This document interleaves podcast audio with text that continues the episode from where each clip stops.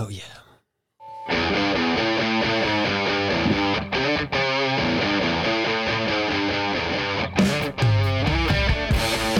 Hei og velkommen til en ny episode av OTB podkast. Det var feil. Start på nytt igjen. OTB-podden heter det. OTB-poddene står der oppe. Jeg står jo der.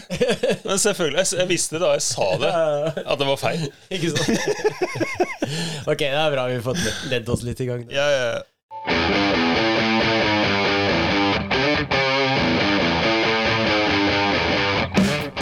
Hei og velkommen til en ny episode av OTB-podden, en norsk sykkelpodkast der det blir full fokus på stisykling med sjenerøs dryss av enduro, downhill og lav terskelhøkk.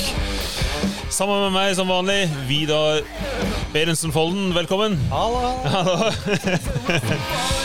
Beklager eh, at vi ikke har eh, vært til stede på Instagram en liten periode. Eh, jeg glemte telefonen ut i regnet, og den ble Ja, den måtte til reparasjon, for å si det sånn. Eh, og så betyr det at eh, altså, Livet mitt er den telefonen, eh, utenom uh, sykling, kanskje. Høres veldig trist ut. Det er to koselige ting i livet. Ja? Telefonen og sykkel. Ja, ja. Eh, og så var vi uten uh, sosiale medier en uke. Eh, kunne sikkert ha postet på andre måter, men uh, det ble vanskelig. Det satt langt Det ble, ble for mye innsats, Ja, ja, jeg ga opp, rett og slett. rett og slett. Uansett, eh, jeg har ikke rukket å plukke ut eh, vinnere på Gire sykkel giveaway. Martin Vinje, som vi hadde på gjest eh, forrige uke, han skulle gi bort rental-styret i Karbon, Karbon. valgfri rise. Valgfri Rise, stemme. Eh, og så var det noe sånn småtteri med noen vannflasker, eh, Gira-vannflasker, eller bottles, eller hva det heter. Men eh, det er jo litt kult for dere, for det betyr at uh, giveawayen den er fortsatt åpen, så jeg skal poste litt mer på Instagram, sånn at det er fortsatt mulig å få være med i trekning. Eh, jeg har heller- ikke fått uh, satt uh, Ibis-stæsj i posten, for på telefonen så var det adressene til de som har vunnet, som vi leste ut forrige uke. Men de kommer i posten snart. Jeg skal få ut fingrene og få sendt i posten fort som mulig. Vidar, du er, er litt eh, Forrige uke så var det jeg som Eller forrige episode så var det jeg som var litt, eh, litt redusert, men denne gang så er det du som er litt Ja, det- redusert. Nei, det var, det var jo så sent som i går kveld. Det var på en veldig bra stitur oppe i nærområdet her. Og så øverst, øverst omtrent, så sånn cirka i Grefsenkleiva, så er det sånn hopp bygd i tre. Som eh, for så vidt har blitt eh, hevet og endret på litt i år. Men jeg har eh, vært over der før, men eh, nå kom jeg inn veldig fort, og så kom jeg med elsykkelen. Jeg har faktisk ikke hoppet der med elsykkelen noen gang. Jeg vet, ikke om det er spilt inn noe i det hele tatt, men en eller annen grunn så hoppa jeg veldig skeivt, og jeg kom inn i sånn 35 km i timen, ser jeg på Strava, så det var jo ganske god fart. Eh, og det hoppet er jo ganske lite, litt sånn brått, siden jeg kom i 35, så jeg vanligvis pleier vel å dempe det, men jeg tror ikke jeg dempa det. Jeg vet ikke helt. Jeg har tenkt, tenkt mye på hva som skjedde, med hvorfor jeg kom skeivt, men jeg kom i hvert fall skeivt i lufta. Og det betydde at jeg kom litt skeivt i landingen. Og det betydde at jeg egentlig landa Jeg måtte svinge for å få sykkelen under meg igjen, da. Og da Det ble på en måte litt sånn slags sånn skrensesving, og så fikk jeg en såkalt eh, high side, som eh, er motorsykkelspråket for det. Det er når du får en liten, for eksempel en skrens med bakhjulet, og så tar plutselig bakhjulet tak igjen. På en bil så vil du bare få en sånn motsatt kontrasladd, men på en eh, sykkel eller motorsykkel da, så blir det bare kastet over på andre siden av sykkelen. Ja, ja. Og den eh, Men jeg greide å ikke, i hvert fall ikke sånn herre tomahawke nedover. eh. jeg greide liksom å prøve å flate ut, og så sklei jeg litt eh, på kroppen, men jeg var jo mest på rygg og skulder. Så hadde jeg jo heldigvis en eh, en sånn lett stirustning på. Jeg har ikke brukt den så mye i siste fordi det har vært for varmt, men jeg bare tenkte sånn eh, Jeg skulle opp og teste litt eh, Jeg testet hva heter det eh, demperne og litt sånn, så jeg tenkte at da må jeg vel kjøre litt hardt inn i noe, så kanskje jeg tar på meg den i dag. Og så var det ikke så varmt. Uansett, da, den er jo uansett ikke en ordentlig sånn full downhill-greie, så den beskytta jo ikke så innmari mye, men jeg tror det var ganske bra å ha i akkurat den første impact. i hvert fall. For grunnen der er jo bare sånne taggete berg Ikke svaberg, men sånn berg som er skadet av vind og vær. det er tagger og, og mye røtter og sånn. så- Ja, det er rimelig nasty underlaget der. Ja. Så ja, jeg sklei noen meter bortover på det, og ja, det er mye sår og skraper på ryggen, men også ja, kom egentlig relativt skadefritt ut det. Men, men spratt, du, spratt du rett opp igjen med en gang du på en måte, Når du er ferdig å rulle og du, Ja, ja. stopper opp? Ja, det er, det det viktigste. Det Sprette opp og late som man ikke har skada seg. Jeg, er- jeg, er føler, jeg føler at hvis man klarer å sprette opp med en gang, Ja, da er det Så- nesten ikke skjedde. ja, så blir det mindre skade. Ja, ja, ja, ikke sant. det er nesten så det ikke skjedde. Ja, ikke sant? Altså, eh, en, eneste skaden i ordentlig, bortsett fra masse skraper, og det er jo uh, bristet ribbein. Men det visste jeg ikke da, for det, det er sånn man kjenner først når man begynner å gå til et par timer og lagt meg. Så eh, jeg og han jeg kjørte sammen, vi hadde en liten prat om hva som skjedde, og så kjørte vi ned, så kjørte jeg først, og så tenkte jeg bare nå, nå skal jeg bare på hesten igjen med en gang. Mm. Så jeg kjørte egentlig alt remmer og tøy holdt. eh, Nei. Ja, ja, så fort jeg kunne. Prøve å ikke være noe sånn skremt. Da, Du kjørte på eh, adrenalin, rett og slett? Ja, jeg kjørte på masse adrenalin, så det ble nesten litt sånn, alt nesten litt sånn overcooked. Sånn, jeg kjørte sånn dritfort gjennom én sving, og så bomma jeg litt på neste fordi jeg kom så jævlig fort inn i den. Så, liksom, I sånn lovlig doping? ja, ja, ja. Så det gikk veldig fort, men det var kanskje ikke su- superpresist. men ja. Men det var bra du hadde eh, sånne beskyttelsesvest på. ja, det var egentlig veldig flaks. Du, du, du har den samme som jeg har. Ja, sånn, eh, Raceface Flank Core, tror jeg den heter. Riktig.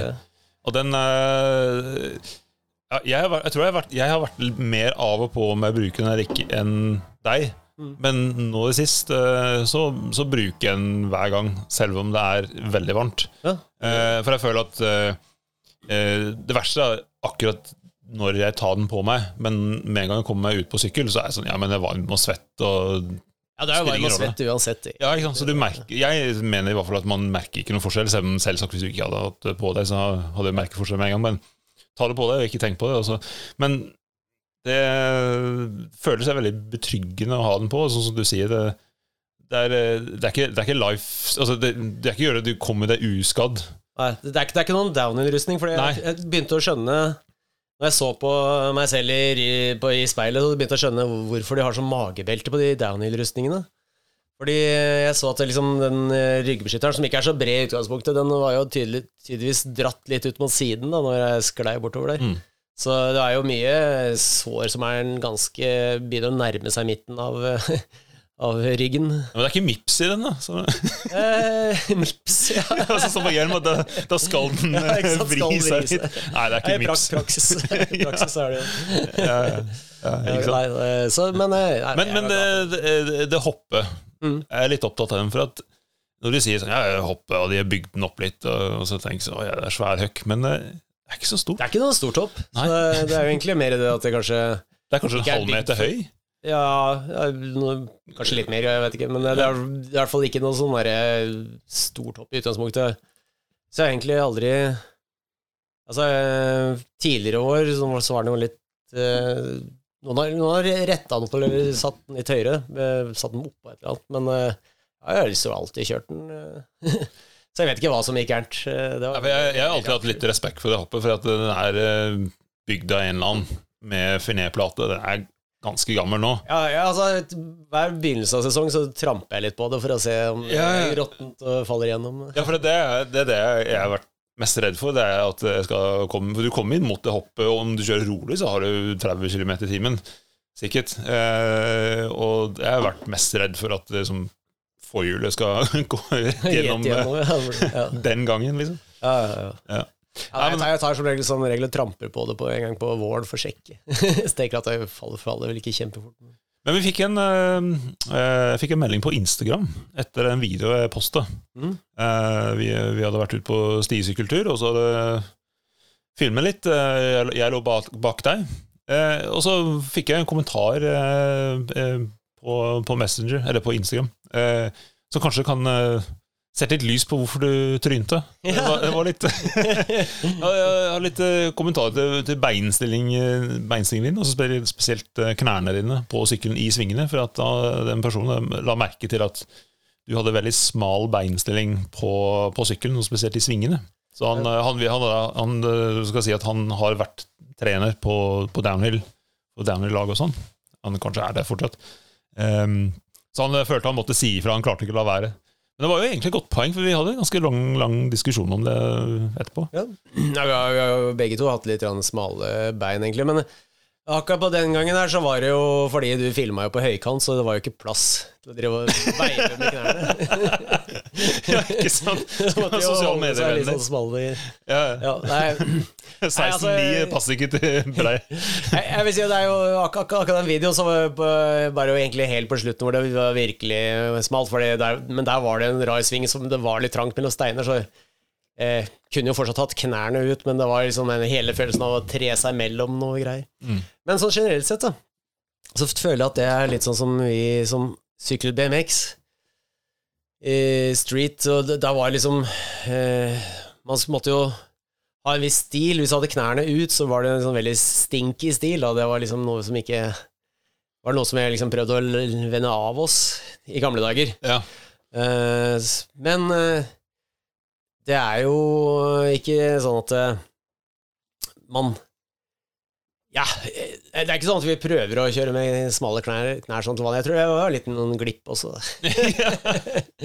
Eh, faktisk, fordi, fordi når, er, når, jeg må balansere mye, så pleier jeg å dra ut med knærne. Men når jeg ikke må balansere, så kjører jeg jo rett frem, og da er det ofte da beina er sterkest. Mm. Men det som er med svingene, så så jeg der at jeg faktisk eh, glemte rett og slett eh, å vri hofta.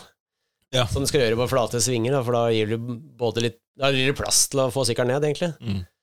Men så det istedenfor så ble det bare at jeg bøyde knærne. Det blir jo en liten hoftevridning, men det bøyde knærne for å få plass til å legge ned, for, for å få sykkelen lagt ned. Altså. Ja, for jeg, jeg sleit med det lenge, eh, og var egentlig ikke klar over det, eh, mm. før jeg så en video av meg sjøl fra Bodø Enduro.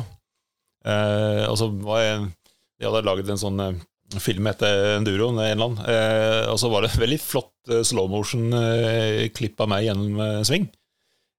men det så, så, så innmari tydelig at knærne mine var liksom klistret inn til rammen. Mm. og da tenkte jeg at det, det der ser ikke helt riktig ut. Um, for altså, sånn som du sier, altså, Vi har jo sykla mye BMX før, og uh, man skulle ha knærne litt sammen. Både pga. stilen, men også at uh, de syklene er jo så altså, De er så bitte små. Uh, ja, ofte så kontrollerer du egentlig også sykkelen litt med å klemme leggene, eller knærne og leggene rundt setet. Ja, ja. For da får du tak i den, på en måte. ja, ja, og så er det jo Skal du liksom få noe bike separation på en måte for å kunne vri, så trenger man nesten ikke å bevege knærne. Nei, nei, det, det, er liksom ikke noe å ta Tar ikke noe plass. nei, ikke sant? Ja. Også, også, men, men, faktisk litt av grunnen til at jeg har tenkt litt på å holde knærne samlet i det siste, for da har jeg liksom prøvd å få til en tabletop som er litt pen, ikke få sånn derre Mange mountainbikere har jo veldig Tabletop er jo når du legger sykkelen liksom flatt i lufta. Mm. Som en, ideelt sett helt flatt som en bordplate, men uh, det er jo veldig vanskelig med 29 tommer. Men i hvert fall uh, det man forsøker på, på mountainbikes. Da. Det, men da, hvis man legger for knærne Altså det kneet som dytter ned ramma, da, til å ligge inntil ramma, så blir det jo en pen tabletop, og hvis man har knærne ut sånn til begge sider, så blir det en helt sykt stygg tabletop. Bowlegged tabletop Bow er ikke noe kult. da er det bedre å hoppe rett frem, liksom. Ja. og derfor Men med mindre man gjør en frosk med vilje, det er jo litt mm. morsomt, det. ja. Men uh, da, det er noe annet. Men jeg var jo sykla i Drammen uh, her om dagen, og det var rett etter vi hadde hatt en diskusjon, og så, så jeg var veldig sånn klar over det i hodet. Mm. Så jeg hadde veldig fokus på det. Um, og uh, i tillegg så hadde jeg uh, sett på en video altså, i, som utfall av diskusjonen vår, så hadde jeg sett på en video eh, på, på YouTube. Uh, no, nok en sånn How to corner incredibly ja, ja, fast-video.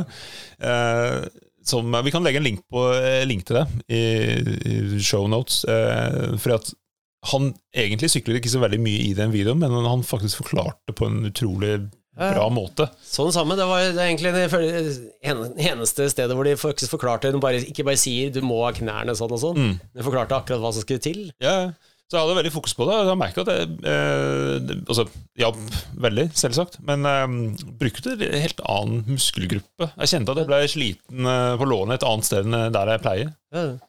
Nei, for det, det som han fokuserte på, var egentlig bare at du skal skape plass til å legge den sykkelen ned. For det skal jo legges ned mens du på en måte sitter opp, da. Og da må du jo ut med det innerste kneet, og så for å få liksom riktig vekt over det, og så vrir du jo hofta. Mm. Men så, sånn som det jeg gjorde på den videoen på, helt på den siste svingen der, det var jo egentlig bare å knekke i begge knærne. Jeg fikk jo sykkelen litt ned, men det var liksom egentlig ikke Det var jo ikke en veldig tungvint måte å gjøre det på. Ja. Men du dro tilbake til den samme stien, samme segmentet, noen dager Ja, senere. det var jo første, det var jo første når vi filma, det var jo første gang jeg kjørte området. Men Mm. så tenkte jeg den her var jo litt morsom, så jeg dro tilbake to dager senere for å ta kummen. Og det gikk bra. Ja, det gikk egentlig greit. Og det var egentlig før jeg fikk vite at jeg hadde for smale knær. Så enten, det var så var det, ja, ja, enten så har jeg Skjerpe deg, kanskje. Enten så kjørte jeg litt annerledes når jeg kjørte da, eller så går det an å kjøre fort med smale knær, og det vet jeg ikke. Ja, kanskje det. Ja. Men det, det var litt morsomt. Du tok kommen, og det pleier å irritere meg. Selv om jeg vet at du er raskere enn meg, så likevel sitte og jobbe og så tikke, sjekke Strava. Så. Faen, altså. så, så Det er tenkte eneste grunnen til at jeg tar det. Men jeg brukte det som en eh, egentlig som eh, litt, liten sånn eh, interessant eksperiment. For at jeg vet at du sykler raskere enn meg. Det er fint, det. Litt irriterende, men fint. jeg har lært å leve med det. men jeg tenkte sånn Ok, da skal jeg finne ut hvor, hvor mye raskere er Vida enn meg, egentlig. Og det som er litt fint på den stien, at det er teknisk eh, veldig enkelt, eh, ikke så bratt, eh, relativt kort. Eh, sånn at jeg følte at ofte så er det en del elementer For eksempel hvis vi tar noen av de kanskje groveste ned i Grefsenkollen, det er så mange elementer at jeg føler det er så mye annet som spiller inn, som gjør at jeg føler å, det gikk ikke så fort der. og sånn og sånn. Man kan alltid finne på masse sånne svære unnskyldninger derfor man tapte 10 og 15 sekunder og sånn. Men nei, så jeg følte meg veldig trygg på den stien, og forholdene var helt lik når du hadde dratt ut dagen før. Så jeg tenkte ja, skal jeg finne ut hvor fort jeg kan sykle. Og da havna jeg fem sekunder bak. Ja, Og det var jeg egentlig veldig forskjell. fornøyd med. For jeg, jeg forventet at det skulle være sånn 15-20 sekunder bak. Eh, og jeg følte at jeg hadde mye å gå på. Ja. Så det var, det, var, det, var, det var digg. ja, ja, ja. Men eh, det kan eh, Ja, for du hadde også bare kjørt den den, ene, den gang, første gangen vi Jo, filma. Jo, ja, det må nevne. Vi har egentlig kjørt den like mange ganger. Ja, det- så det, ja, jo. det var litt kult. Men det, er... da må jeg finne brattere steder og irritere deg på. Ja, ikke sant? ja, det, er noen, det er noen segmenter nede til Grefsenkollen som jeg fortsatt er veldig irritert over. Så.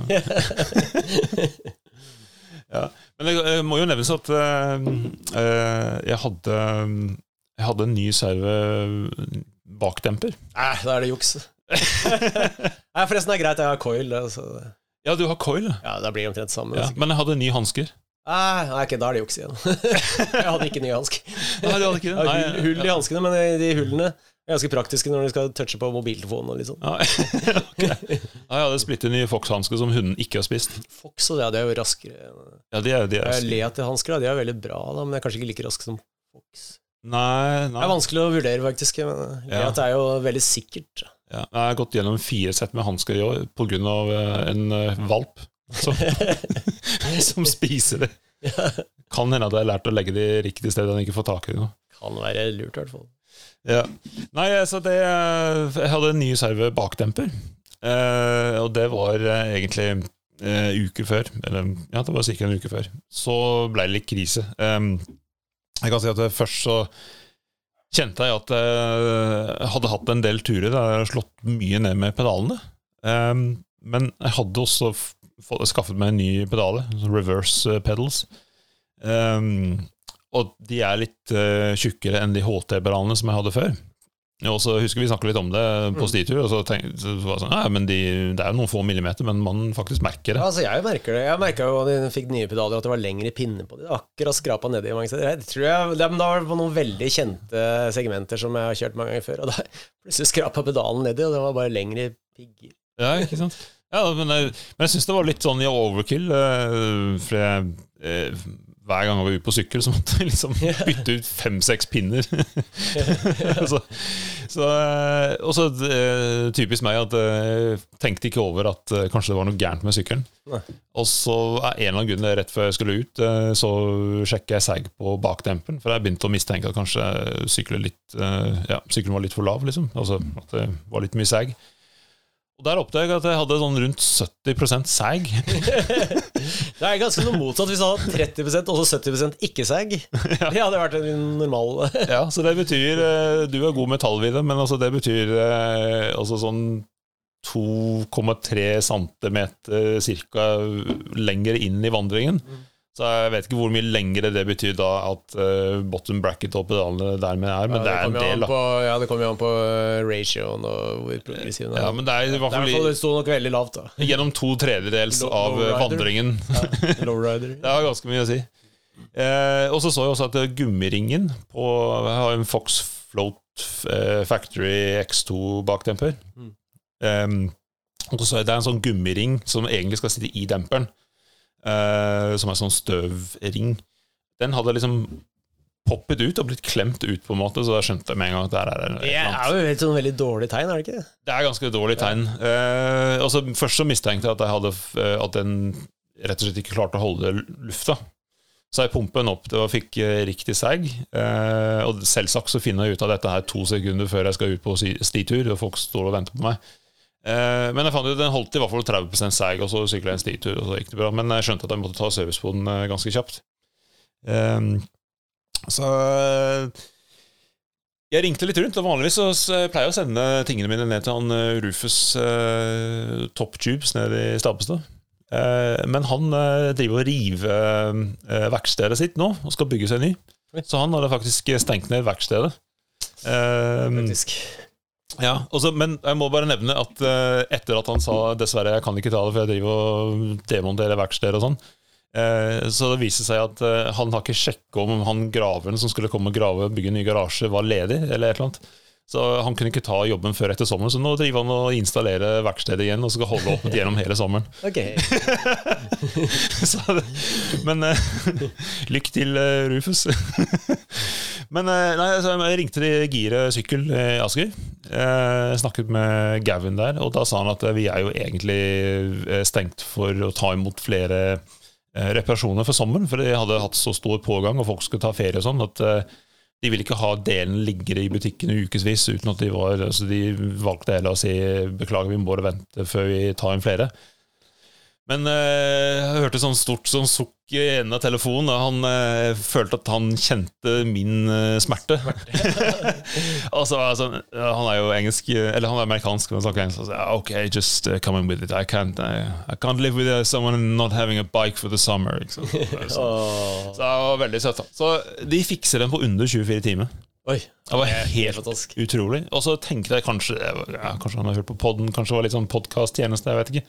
Men eh, For vi har jo hatt Martin, Martin Vinje som jobber i samme Ja. butikk. Men han visste ikke at eh, jeg var, hadde noe med podkasten å gjøre, før jeg snakket med han i butikken da jeg hentet den. Så det er jo rett fra snillheten i hans hjerte som Ja, rett og slett. så Det er, altså, det er nok en god grunn til å bruke en local bikeshop. Og, Det er det. For de er jo en butikkjappe. Altså, de har jo lokale i Asker i sentrum der. Og eh, nå at det er så mye på nett og sånn. Eh, Men det er klart det, vi trenger jo plutselig service, og da må vi Da kan vi enten sende ting til eh, veldig langt unna, eller i USA, eller i verste fall opp til Kina, liksom. Men det, det er jo en fordel å bare kunne hive seg i bilen og få noe reparert. Ja, det, det, det er sinnssykt digg. Altså, når sånne ting skjer, så er det alltid verst mulig timing. Mm. Uh, altså, jeg, Det er det jo. altså, den demperen var jo, er jo ganske ny. Og det som er litt morsomt, var at han eh, kommenterte da hentet den, og sa at det er eh, veldig typisk eh, for den bakdemperen, den Exoen. Og så kommenterte han at Fox, når du får dempere fra Fox, så er de ofte skal prøve å forklare det sånn som, sånn som han sa det, men han sa i hvert fall at de er veldig så enkelt forklart at de er ofte ganske sånn dårlig smurt, fordi at de er veldig sånn fine tune for racing. Men forskjellen er at eh, kontra en proff eller en pro, eh, de får jo serve demperne sine etter hvert eh, ritt, eller, ikke sant? Eh, mens vi skal jo bruke den en hel sesong. Så han sa at etter han Altså han pleier å smøre opp litt mer og gjøre litt sånn fancy triks. Han er jo litt sånn uh, vidunde.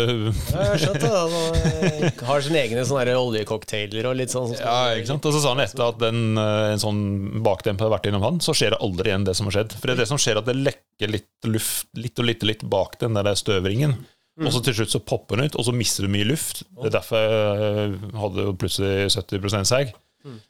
Og så er det, ikke sant, da kommer masse dritt inn, og sånn, og så blir det ordentlig møkkete, og så kan du ødelegge hele stanchen. Ja. Ja, ja. Så altså, det var jo litt interessant, egentlig. Mm. Men uh, han, han lovte meg eh, det, her var, det her skjedde faktisk uh, rett før jeg skulle ta tida på det segmentet som vi snakka om i stad. Ah, Og jeg spurte Gavin jeg sa, altså, hvor, hvor mange sekunder er det jeg kommer til å Kommer det her til å gi meg? 20 seconds, man. Han lovte meg 20 sekunder. No problem. Ikke sant? Eh, Hvor mange sekunder ble det? Det ble faktisk 25. Så han turte ikke å love helt 25, men det, det ble det. Ja, det ble faktisk 25 sekunder. Fantastisk. Men for å spøke til alvor, så det, det som var veldig veldig interessant, det var at ehm, eh, Også gaffel er jo eh, Det kan være vanskelig å kjenne om det er riktig eller ikke. Det tar litt, eh, tar litt tid, og du skal være litt bevisst på det, men det er lettere å kjenne fordi at Ja, det slår i armene. det slår i armene. ikke sant? Du har jo mye følelse i hendene og alt sånn. Eh, men beinet, de er jo litt mer sånn ja. Arbeidsmaskineri, liksom. det- Ja. Jeg syns også det merker jo ikke Merker ikke når det er at det fungerer dårlig i bakdemperen før det er ganske seint. Nei, så Jeg syns det er veldig vanskelig å kjenne om bakdemperen er riktig eller ikke. Ja. Ehm, og jeg merket eh, Jeg hadde liksom klagd litt eh, før av at jeg syns at sykkelen min lugger litt grann, og det, når jeg kjører over røtter og sånne ting, så det føles som jeg liksom driver Alt lugger når du kjører over røtter. Det på noe at ikke Ja, men jeg tenkte sånn at sånn derre luftpute Men det var så innmari. Altså Det føltes som at liksom, plutselig så dro en unge etter sykkelen, liksom. Ja, det er sånn. Så slepte det en bilring eller et eller annet. ja. ja, men det var utrolig hvor stor forskjell. Altså, sykkelen ble jo selvsagt mye mer responsiv og mer lekent. Eh, jeg fikk mye, mye bedre pumperespons i svingene. Altså, kjente virkelig at du fikk fart ut av svingen hvis du klarte å pumpe riktig gjennom svingene. Eh, og så ble jeg jo mer tråkkeeffektiv. Og det er jo egentlig ganske sånn selvsagt, alt det her, men det er jo litt morsomt når man har tatt det til det ekstreme og hatt Ok, jeg kjører med 70 seg, jeg gjorde det ikke med vilje, men jeg gjorde det. Også for å kjenne hva, hvor stor forskjell det blir. Ja, ja, ja. Eh, for det er så vanskelig å kjenne på bakdemper. Mm. Så, eh, Nei, det, det, er, det, er, det, er, det er jo det du sier når du skal stille inn eh, Stille inn demper og sånn, at du skal liksom prøve liksom begge ekstreme Hvis du skal bare få kjenne forskjellen, liksom prøve å sette rebound til full åpen eller full stengt, eh, for eksempel, for å Mm. kjenne om du i det hele tatt vet hvordan det føles. men eh, ellers så kan man bruke en shockwiz. ja, det er jo også et godt verktøy. Det er ikke perfekt verktøy, føler jeg, men eh, jeg har, jobba litt med sjokkvis nå i det siste på min sykkel. Jeg vet jo jeg har hatt noen runder med de nå, men Mm. um, Ja, for jeg har jo Jeg kjøpte jo en sånn elsykkel for å ha i tillegg, og den var litt, det var litt annerledes, eh, på en måte, kanskje fordi sykkelen er litt tyngre. Jeg klarte ikke helt å jeg justerte litt på det og fikk det til å føles rimelig bra, men jeg følte at jeg trengte litt sånn hjelp for å se om det var bra nok. Altså, den føles jo litt annerledes, siden sykkelen er tyngre, så, så vet jeg jo ikke helt om den skal føles sånn eller ikke. Så det var litt greit å ha sjokkvisten. Um, men det, det, som, det som eh, slo meg, var at den sjokkvisten er på jeg vet ikke si, den, den sitter ikke på noen fasit. Den eh, reagerer jo veldig på hvordan du kjører, og hvor du kjører. Så er selv innenfor samme sånn opptaks... Start en session, sier han liksom, når du starter den å ta opp eh, alt som skjer i demperen din, og så, og så gir den anbefalinger etter en stund. Og, og selv innafor den så er det jo veldig mye å si hva den siste stien jeg har kjørt på, var. altså. Mm. Så jeg tok øh, Det har vært mye sånn regn i det siste, og det er stort sett de eneste gangene jeg pleier å bruke elsykkelen, er når det regner, har vært litt, vått og sånn, for det, da er det ikke ja, For å være helt ærlig, så er det liksom ikke komføre, så jeg kan like godt kjøre elsykkel. Når det er veldig fint og raskt føre, så, så vil jeg jo gjerne kjøre den ordentlige sykkelen, for da, da, da, da er jeg all out. Og så er den jo litt rask Altså, den megatoweren min, den ikke-elsykkelen, den er jo litt raskere Mm. når du kommer til nedoverbakken allikevel. Så da vil jeg liksom Ja. Men eh, elsykkelen, den, eh, den er jo sånn tursykkel, men eh, jeg kjørte på litt veldig greasy og vått. Så selv om jeg kjørte grove ting, så kjørte jeg ikke raskt nok til at jeg fikk egentlig jeg håper å si, hva jeg skal si, de anbefalingene jeg ville ha. Du var uenig med den? Rett og slett. altså, for jeg, for jeg visste at det der er sånn jeg kjører nå, det er jo ikke det, det er ikke det jeg egentlig trenger hjelp til. Jeg, jeg, jeg, hvis jeg kjører litt sånn eh, sakte og lemper sykkelen over røttene med litt sånn eh, ja, dårlig grep Altså, det, det skal jeg jo klare selv. Mm. Det jeg vil ha hjelp til, er liksom når det begynner å gå skikkelig unna, Mm. og det grepet Altså, dårlig innstilt dempere når du kjører veldig fort, du vil jo ikke ha noe særlig grep igjen. Så det er jo litt også grunnen til at jeg var eh, ekstra runde i går kveld. var det jeg tryna. Men da fikk jeg kjørt litt, grann, eh, litt rann tørre Altså i Grefsenkollen så tørker det ofte ganske så fort. Ja.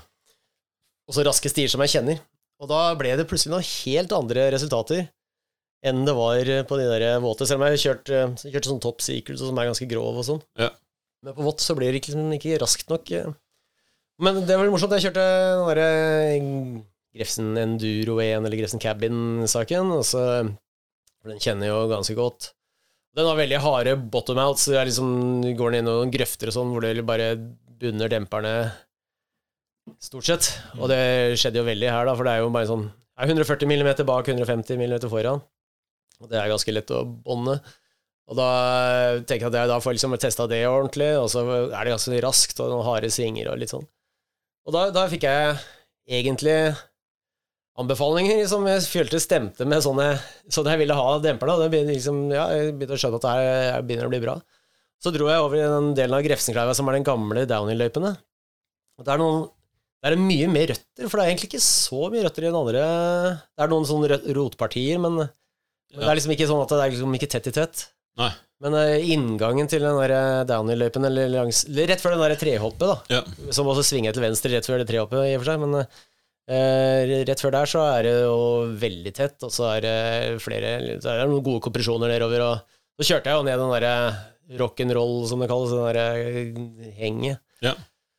Eh, og da, da var liksom de Da var de eh, Det var innenfor samme session også, tror jeg, men det var, da var, plutselig så sa han at eh, rebounden min var for treg. Okay. Så samme som er liksom Altså, skal jeg forklare først? Da, kjørte de, kjørte, de gangene jeg kjørte i- på vått, Mm. så syntes han rebounden min var for uh, rask. Han ville at jeg skulle kjøre den tregere. Mm. Fordi jeg kjørte sakte, ikke sant, og da rakk han liksom Da tenker han her er ute og pusekjører, så jeg kan like godt ta, ta, gi han litt god demping og sånn.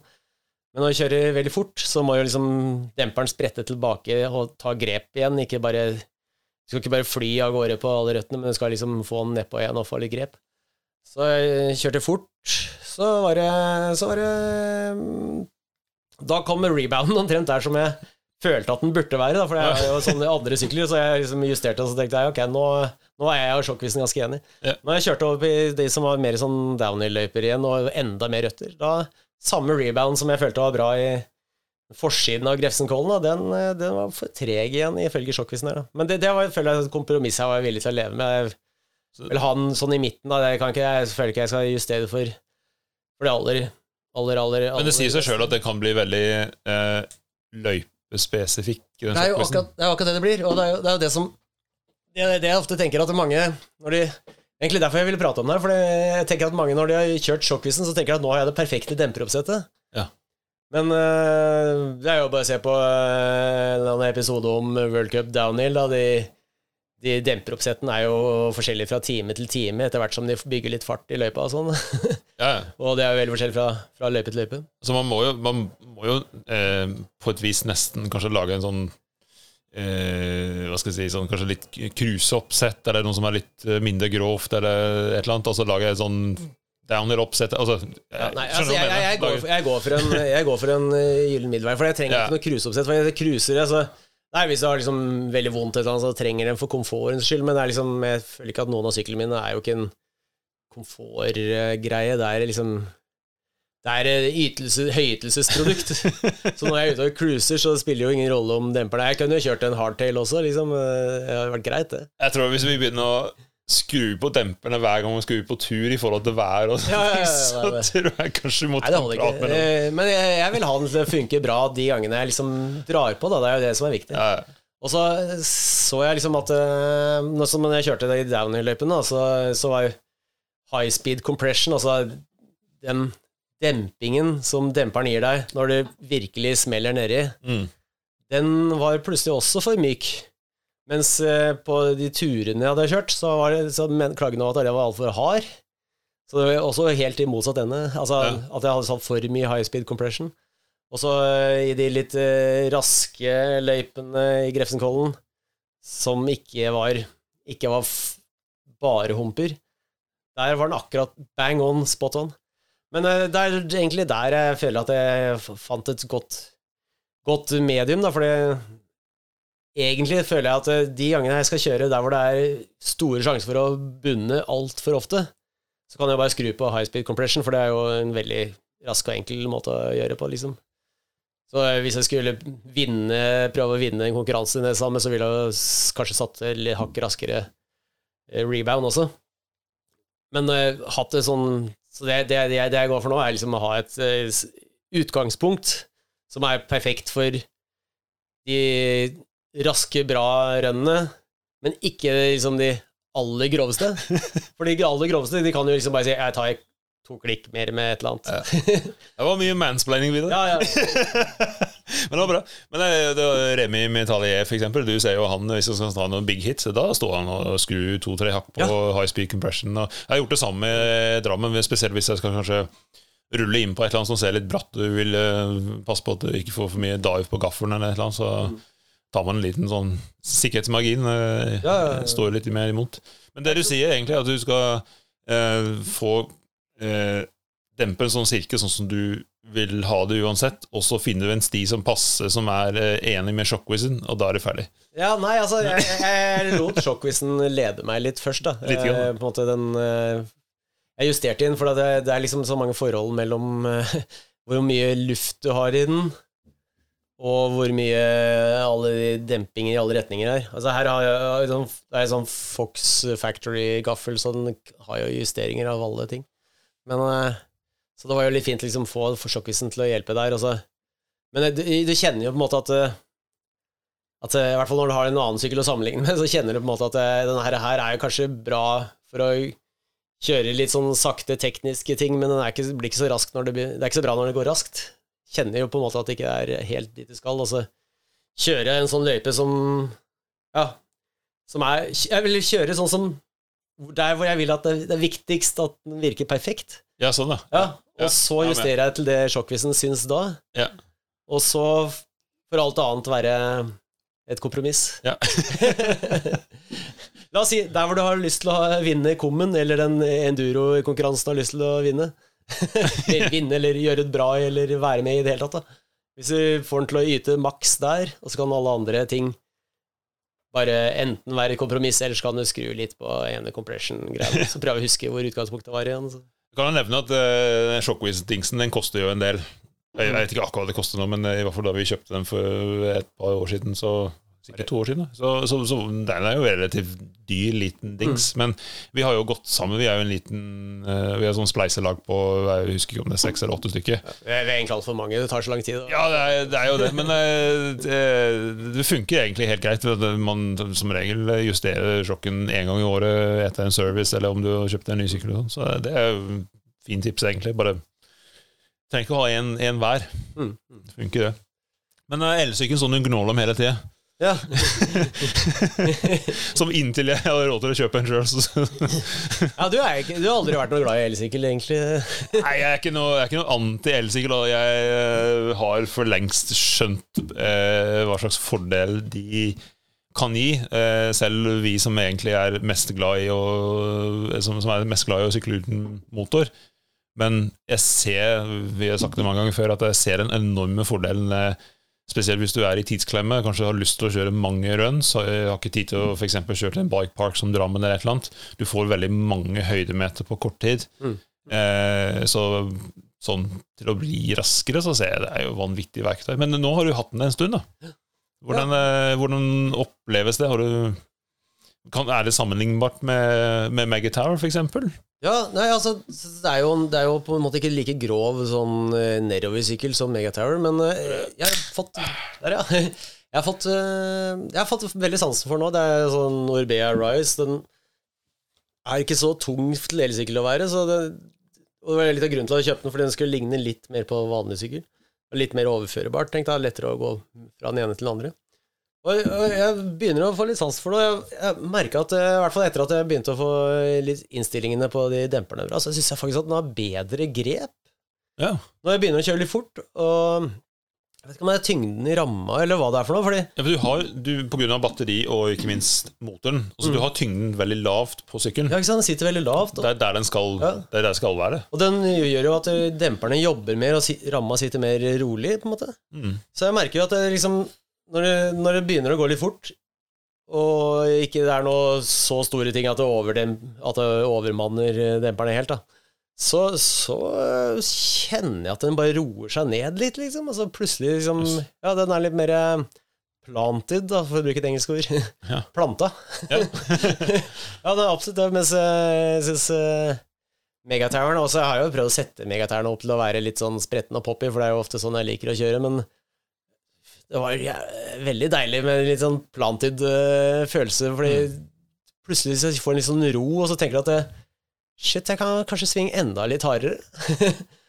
og så kjørte jeg noe samme segmenten som jeg har kjørt fort på den andre, så, så, så er jeg litt usikker om det var sånn at jeg ikke greide å få nok fart med elsykkelen, eller om den bare satt bedre i svingene, for det, det var noen svinger som pleier å være sånn akkurat så vidt det går. Altså, du sklir litt foran, sklir litt bak, liksom, hele veien.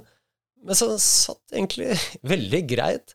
Så jeg var litt usikker. Altså, jeg, kan Altså, det er jo en tyngre sykkel. Kan være at jeg rett og slett ikke akselererer bra nok til å komme inn i Men jeg, jeg vet ikke. Jeg, jeg så på Strava-tid når jeg prøvde å Prøvde å øh, se hva det hadde vært hvis jeg hadde lasta det opp som en vanlig Det er, veldig få Strava-segmenter på elsykkelgreiene, så når du laster opp, så er det jo nesten ingen. Ja, jeg ser at nesten uansett hvor du sykler, så får du kom. Ja, det er altså Det er ikke like mange som konkurrerer. Men det er faktisk mange av de samme som er på topplistene på de andre. Men eh, alle slapper av litt mer når jeg er på elsykkelen, føler jeg. Det, Ja. det er samme jeg og det. Jeg er på, mer på tur. Men da prøvde jeg da å kjøre litt fort, så Så var det ikke så mange sekundene bak Megatoweren. Men det var jo nok til å være signifikant. Men det var ikke Det var liksom noen segmenter som hadde Ja, det var ikke Men føler du at eh, Selv om du er, altså, du er jo noen sekunder bak, men kom du ned og var sånn Å ja, da kommer jeg der har du jobbet mye.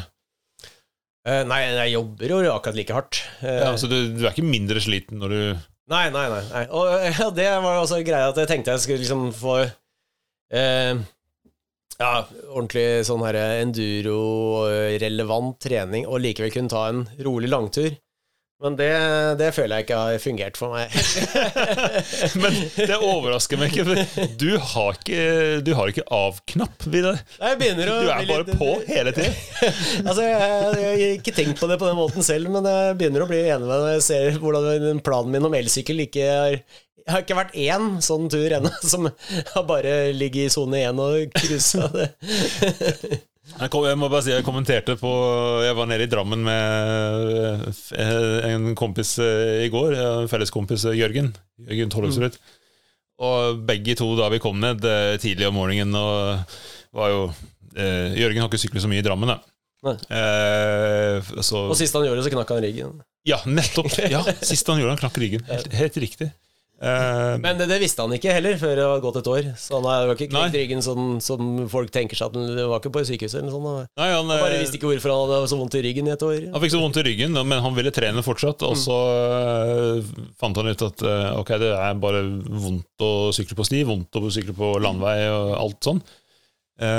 Og så skulle han prøve å holde formen og sykle rulle. Ja. Men uh, det viser seg at uh, sykle rulle med knekk ryggen det, det er ikke noe lurt, det heller. Så han sluttet å sykle. Men han var likevel på eh, for eksempel på, da de hadde Bjerkecross. eh, så han er med Hasle Løren eh, sykkelklubb. Eh, han, han var der og hjalp til å grave løype. Ja, Grave er sikkert ikke heller det beste med knekkeregelen. Nei, det var ikke det. Men uansett, han, han var med, både jeg og han var jo litt uh, slappe og sånn. Og så sa jeg at ja, men jeg savner at Vidar er her. For han har ikke noe avknapp og når vi kom hit. Så uh, han, eh, han er jo min paceman. altså, hvis, jeg, hvis jeg føler at så, Nei, jeg må jo våkne litt, og så er det bare å henge på deg og skremme livskiten av meg. Altså, ok, da, nå er, nå er jeg på. Glad for hjelp. ja, det- ja, ja. Ja, ja, nei, men det er bra. Nei, så, så det var jo greia med elsykkelen nå. Det blir jo, det blir jo Man tråkker jo på. Altså, det blir jo veldig kjedelig å bare sitte og luffe av gårde. Men eh, det er jo ikke det at jeg ikke kan eh, ta det litt med ro, men ikke nok med ro til at jeg kunne kalle det en rolig tur. Altså det. Men jeg kan jo ta av Det kan jeg fjerne de der aller mest slitsomme. Altså jeg kan jo fortsatt trene såpass at jeg kan trene oftere. Altså trene såpass mildt at jeg kan trene oftere. Det det. Ja. Men den har, er, altså, hvordan er reach og chainstay og sånn på den i forhold til uh, Magguitar? Ja, nei, altså den, eh, den har jo 10 mm lengre chainstay. Mm. Altså for de som ikke eh, vandre rundt i geometribøker i dag, i dag, så er jo det altså det mm, kjedestaget. Altså hvor langt det er fra midten av kranken til eh, bakhjulets aksling. Mm. Og det er eh, Ja, det gjør at det blir litt eh, tyngre å dra opp på, på, på manuals og på bakhjul, eller bunnyhopping liksom Mm. krever at du tar litt ekstra og sånn. Uh, men eh, det er jo liksom det negative. Men jeg merker at man får jo faktisk bedre grep på forhjulet. Ja. Det, er altså, det, er jo ikke noe overraskelse, egentlig, men eh, det var jo noe merkbart. Da, altså, at man får Altså, den, det er lengre til bakhjulet, så jo klart det flytter jo litt vekt forover. Mm. Og det, det er nesten litt lyst til å teste på Megatower nå, for den er jo justerbar. Den kan faktisk bli 10 mm lenger bak, hvis man vil. Eh, på den annen side så syns jeg jo allerede at uh, at den er jo fem millimeter lenger bak enn det Nomad, forrige sykkelen min, Nomaden min, var. Uh, og allerede der så syns jeg at den er litt tung, så jeg, jeg prøver å Jeg vet ikke, jeg må gjøre et eller annet så ikke det blir så innmari tungt å dra den opp. så jeg ville egentlig helst hatt litt mindre reach, da, for det ville jo gjøre litt av samme greia. Men samtidig Jeg vil også kjøre fort, så jeg vil gjerne ha litt hjulavstand. Så, jeg vet ikke, jeg skal prøve å gjøre et eller annet for å få styret litt nærmere, i hvert fall. Men det, det er jo kanskje øke stacken eller noe sånt. Og det er jo i hvert fall eh, Ja. Kjøre, kjøre Martin Winne-triks og bare mer rise på styret. Ja, hvis du virkelig styrer litt eh, mot deg, så får du kanskje nærmere også. Men ja, mer rise vil jo for så vidt eh, gjøre at du får en annen sånn herre Ja, vektbalansen flyttes jo litt, så det kan alltid hjelpe. Ja, Men rise er jo det med fart. Ja, Rice er jo kult, også. det. Er samme som eh, eh, Samme som eh, Huck West og Ja, ja, ja. Ja, men jeg kan snakke litt om Megatern, hvordan den er satt opp. Da, for jeg hadde jo 160 mm gaffel før med 36, Fox 36. Nå har jeg Fox 38. 170 mil. Og det var en enorm forskjell. Jeg både ble en heva litt i fronten, som ga litt ekstra trygghet, og så, og så er den jo mer stabil, den derre eh, Fox 38. Altså, jeg kjenner jo Den er mer plush og mer stabil, og nå, nå, nå har jeg jo en helt ny samme generasjon eh, Fox 36 på den eh, elsykkelen også, så nå er jo ganske sammenlignbart. Men eh, Fox 38 er, er merkbart mye plushere og bedre, sånn sett. Men det som var litt eh, vittig, at jeg prøvde liksom å kjøre tenker at det her gir eh, mye mer fart, da, men så jeg prøvde å liksom kjøre noen segmenter og se sånn rett etterpå, da. eh, Mens godfølelsen var, mens jeg ikke hadde ikke hadde rukket å bli så mye bedre. Jeg ble jo ikke noe raskere. Nei. Det var bare føltes mye tryggere. Ja. Jeg kom ned uten å være så skjelven, kan du si. Ja, ja. Men i, det, i prinsippet så burde det jo kanskje over tid føre til at man blir raskere, da, hvis man eh, føler seg tryggere. Ja, for jeg hadde forrige generasjon 36, og så Mm. bytte over til eh, den nye 38.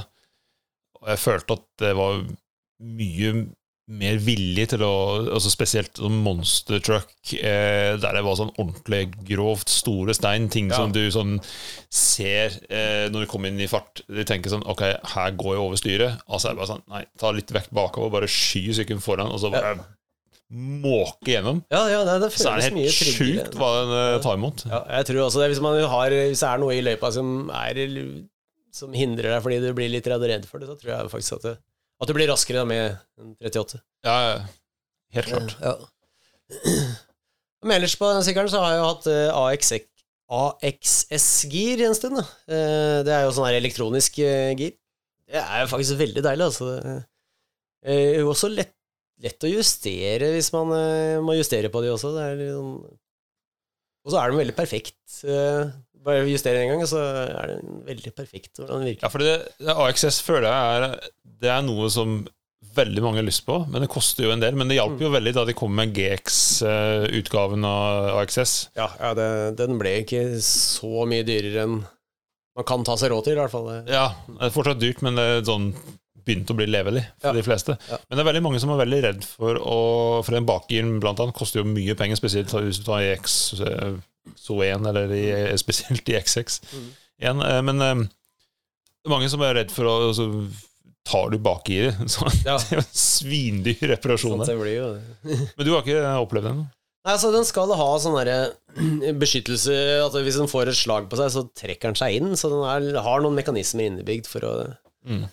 Og så gikk jeg jo tom for strøm en gang jeg var med deg. Da, da, for jeg skulle bare egentlig prøve å se hvor lenge jeg kunne holde på uten å lade den. Men da, da gikk den i tredjegir. Jeg, vet jeg har jo ikke lest spekkskiten om det er meningen, men det virker som det var meningen. For jeg tror ikke jeg var i tredjegir akkurat når det stoppa, så jeg tror den faktisk har sånn herre Gå i tredjegir, for det kan du sykle deg hjem på. Og da sykla jeg jo hele turen. Ja, en sånn get me home-function. Ja, ikke sant. Men det var jo litt, litt så frustrerende på nedoverbakkene på en måte, for det kan ikke går altfor fort til at du kan hjelpe å tråkke, men på Ja, noe men det, det også. det, det er sånn det er å ha en av-knapp. Ja, det, det var jo veldig det, heter, avknapp. det heter å sykle rolig. Ja, men ikke nedover. Jeg er ikke Det, så dårlig på å sykle sykle det er sånn som vi har det.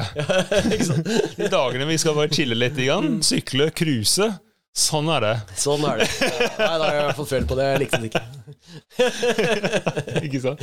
Men eh, jeg vet at det, det er på, de, på de der så er det sånn at du kan holde inn knappen og så gire den hele veien opp eller ned. Ja. Eh, Hvordan fungerer det spesielt hvordan fungerer det spesielt under hvis du tråkker hardt på, f.eks.? Ja, ja, nei, jeg synes det fungerer bra, men eh, det, det, altså, det fine er liksom Idet du ser at du kommer oppoverbakke og ser at nå er du i helt feil gir, så bare holder du knappen inne, opp, inne oppover. Eh, Eller hvis du går andre veien nedover, da. så, men eh, da, da ordner den stort sett for deg. Mm. Men, én ting, altså, den eh, andre sykkelen min nå, så har jeg jo Shimano-gir. Og det er ikke noe trådløse greier, men vi skal bare snakke om å tråkke, skifte mens du tråkker maks og står og tråkker. Så er det nyeste Shimano Hyperglide 2, tror jeg det heter. Eller sånn. De er bedre, faktisk. Det er det. Ja, selv om den har wire. Altså, Wiren er jo ikke noe veien for akkurat sånne ting. Da. Det er jo egentlig veldig bra sånn testarena på elsykkel, for du har jo egen krefter og motor i tillegg. Så det er jo sånn Ja, at det funker, er jo helt Vanvittige krefter. egentlig. ja. Så det, nei, nei, det Jeg er jo litt imponert over de Shimano-tingene også, selv om jeg nå er veldig glad for å slippe å styre med vaiere. Så wire er egentlig verst på vinteren, og det er jo ikke så mye styr. Hvis du først får en wire til å funke på sommeren, så er det jo greit, men eh, Mm. det er jo alltid noe, jeg har alltid hatt noe trøbbel med det. Eh, men eh, skal vi se det, det, det er det som er litt sånn Sånn styr med sykkeloppsettet, er jo egentlig at jeg på megatoweren altså, vil jeg, er jeg samme sykkelen jeg egentlig vil gjøre jibs og triks og lek og sånn med, som er liksom den sykkelen jeg skal prøve å eh, kjøre ordentlig fort med, kjøre downhill-anlegg med, og jeg skal kanskje konkurrere i enduro en eller to ganger i året. Mm. Og det går jo helt imot hverandre, for det en, eh, ja, en eh, lang reach og liksom en litt utstrekt stilling er jo bra for å kjøre fort og sånt noe, mens for håndteringen så er jo det helt ræva. og vil jeg, for å håndtere en og liksom leke med en, så vil jeg veldig kort, enda kortere helst enn den er bak, og litt kortere foran. Og, så, Ja. så det er Ja, nei. eh, Må kjøpe en sykkel til. Ja, det er jo det, Men det, det er jo ikke det jeg egentlig vil, for det Jeg har jo en, har jo en dirtjumper. Og jeg vet jeg kan gjøre andre ting på dirtjumperen, men det jeg vil, er jo Altså, jeg vil jo gjøre det på stisykkelen. Ja, ja. Altså, det er jo sånn eh, Det er en utfordring i seg selv. Det blir nesten eh, litt for lett. Men jeg, jeg har jo fått med meg nå litt, eh, litt sånn eh, bike checks og litt sånn på nettet. Så, så, så for eksempel eh, så Jack Mo Moyer, som vi kaller det. Mm. For han er vel fra Australia eller noe sånt. Det skrives jo Jack Moir, tenker jeg. Det er Moir Han fra ja, så sier ikke sånn Jack Moyer. Moir. Ja, det er noe sånt. Jack, Moir. Jack, Jack Moy. Jack. Ja. Så han er liksom på walkabout og fanger krokodiller sånn til vanlig. Men eh, det var veldig interessant, da, for han, eh, han vant jo forrige Enduro-rittet. Ja. E- EVS, altså Enduro World Series. Um, og etter den, eh, den han vant, så så var det en bikecheck med han fra Pink Bike, tror jeg. Og det var litt interessant. eh, Altså, han, han var veldig på forskjellen mellom det han liker å ha hjemme, for der er ikke løypene sånn like teknisk eh, kompliserte som de er på EVS. Hjemme i Australia, da, sikkert. Eh, og, hvordan han ville kjøre inn i konkurranse. Og, og jeg kan legge til at jeg så også noen sånne videoer han har lagt ut hvor han testa eh, forskjellige Canyon-sykler, da, for han kjører på Canyon-teamet, Mm. mot hverandre og forskjellige oppsett. Og ja, altså, faktisk han måtte skaffe seg en litt kortere sykkel for de enduro-stagene i Europa. Ja. Så han er jo en, egentlig en veldig lang mann, han er jo XL-type størrelse. Men han eh, kjører large i konkurranser. ja, men han eh, Sam Hill Mm. kommenterte det samme. Ja. Eh, og han sa at han, han går ikke med på den derre lengre, slakkere opplegget, for han sier eh, jeg har ikke vokst, så hvorfor skal sykkelen min vokse? ja, ikke sant? Han, Han var så, han var så kul med Sykler det. blir lengre hvert år, mens jeg blir ikke lengre. Ja, det var nettopp det jeg mente. Så han eh, på, mener jeg, så vidt jeg husker, så, så han også sykler egentlig rammestørrelse mindre enn det som på en måte på papiret man ville valgt til han, da. Ja, ja. Altså, ja, faktisk, jeg vet Nukeproof holdt en, stykk, en stund eh, mediumrammen mye, relativt sett mye kortere enn f.eks. large-rammen. Altså ikke, i, mye kortere av, eh, på grunn av Sam Hill. Så Nei, men altså, det er litt interessant, for det mm, han, eh, Når han er hjemme, så har han litt mer sånn flow trails. Selv om det går Ja. sikkert veldig fort og sånn. Så da vil han uh, ha både litt Da har han en sånn standardlengde som, som, som sykkelen leveres med på gaffelen. Eh, han har vel en Strive og en Spektral, og da er vel Spektralen tror jeg han kjører med 150 mm gaffel bare.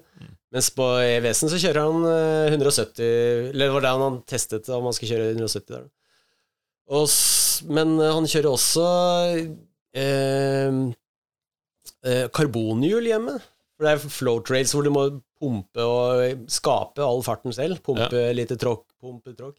Mens eh, på EVS-en så, så kjører han aluhjul, for det er så mye off-camber, og det er mye greier han havner utafor der han skal, eller kommer brått inn i noe. Jeg synes at de litt mykere hjulene gir han bedre grep, rett og slett. Eller. Yes. Ja.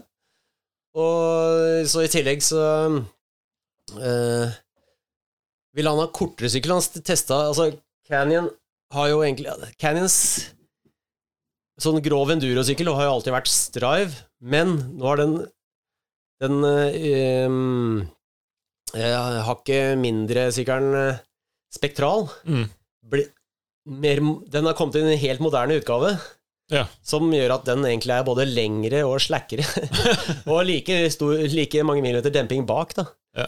Så jeg så han gjorde en testvideo av den lengre, slakkere sykkelen. Men eh, ja, den hadde 170, satte 170 mm gaffel på den, og så hadde han 180 mm gaffel på den Striven, men som var mer gammeldags enn Striven. var mer gammeldags. Mm. Og så testa han bare to rønn på hver trail, og man hadde flytta etter det, så flytta han til en ny en, fordi han fordi han hadde allerede brukt opp den trailen. Etter, etter Hvis han kunne den veldig godt, så kunne han kjøre den fort Men han må jo teste hvor, hvordan, går det, hvordan er det når jeg ikke vet hva jeg kjører i, hvor, hvor svingene kommer brått på, Ja, jeg kommer feil inn i Ja. Feil linje hele tiden, liksom. Eh, og da, da valgte han Striven fordi den, både fordi den var kortest og Men likevel hadde den faktisk litt lenger, mer demping på gaffelen. Den hadde 180 mm demping. Og det var, eh, det var egentlig både at han ble mindre sliten pga. han hadde mer demping, men han greide likevel å kjøre krappere svinger fordi den var kortere.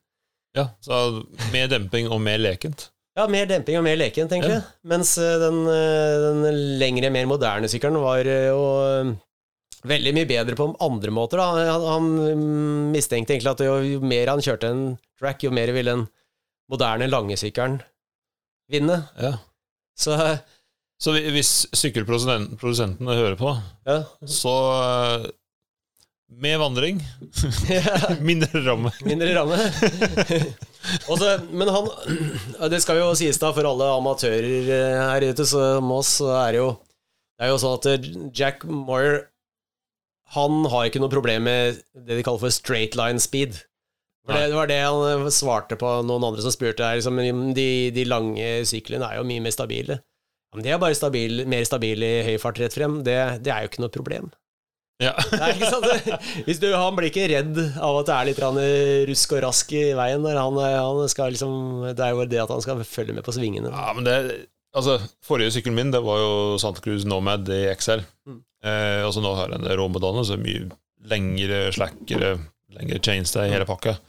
Eh, og uten tvil eh, Største forskjellen jeg merker, det var at altså på Nomaden i svingene, når den først glapp, og spesielt på forhjulet, da var det, da var det fort ut, altså. Altså det? ja, jeg merker at eh, eh, Spesielt på forhjulet. Det, det, var, det var liksom Altså, den sykkelen var jo sinnssykt bra på mye, og straight line speed og hucking og alt det der. Nydelig.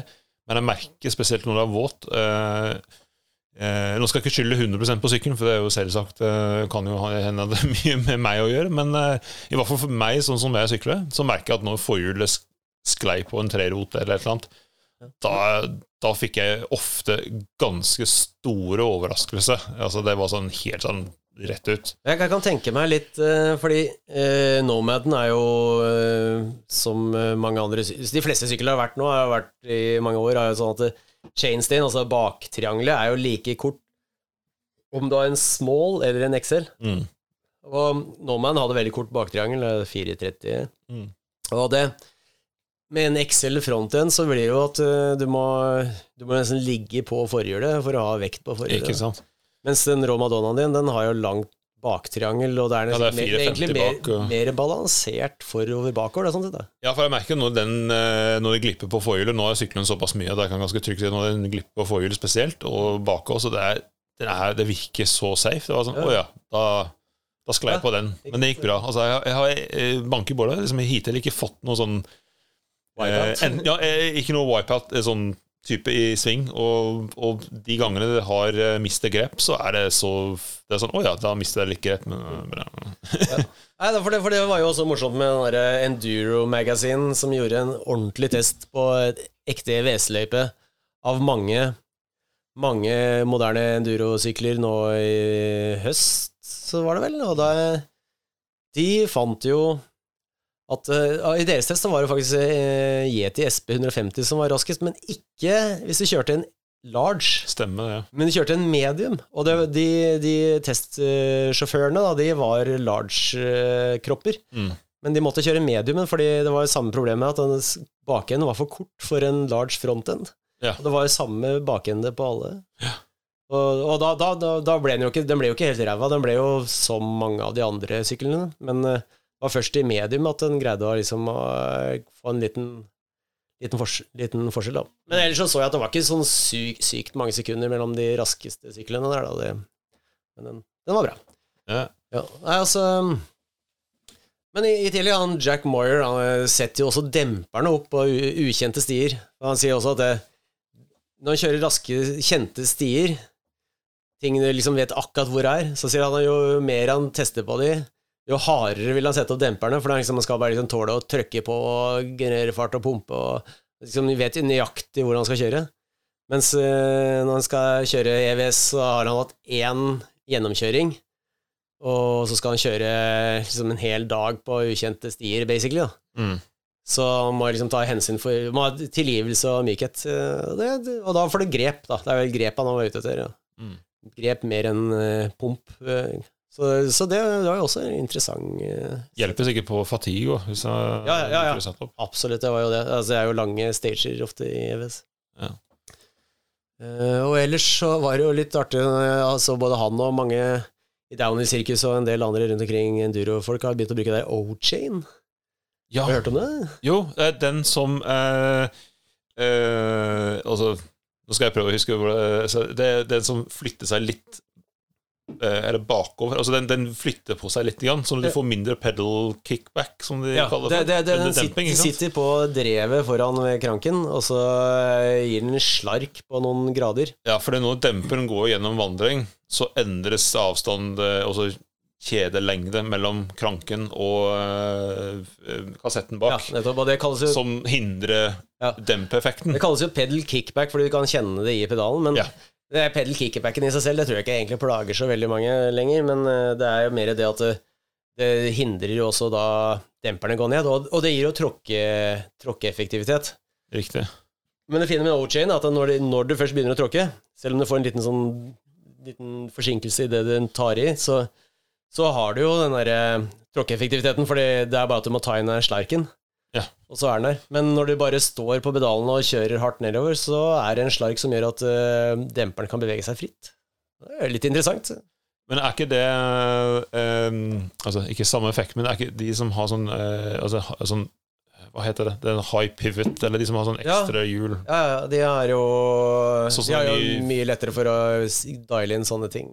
Ja, den nye Norco-sykkelen Ja, Norco Range. ja. Ja, nettopp. I tillegg så har, Det skal har- motvirke litt av den effekten da. Ja, det gjør nok den high pivot-saken eh, også, men i tillegg så har jo den noe annet i tillegg, at den beveger seg bakover. Altså bakhjulet beveger seg bakover. Så så forhjulet, når det, når det treffer en stein, så beveger det seg bakover fordi det går inn i gaffelen. Mm. Og da får du ikke så mye motstand. Så det også skal high pivot bak, skal jo også bevege bakhjulet litt bakover.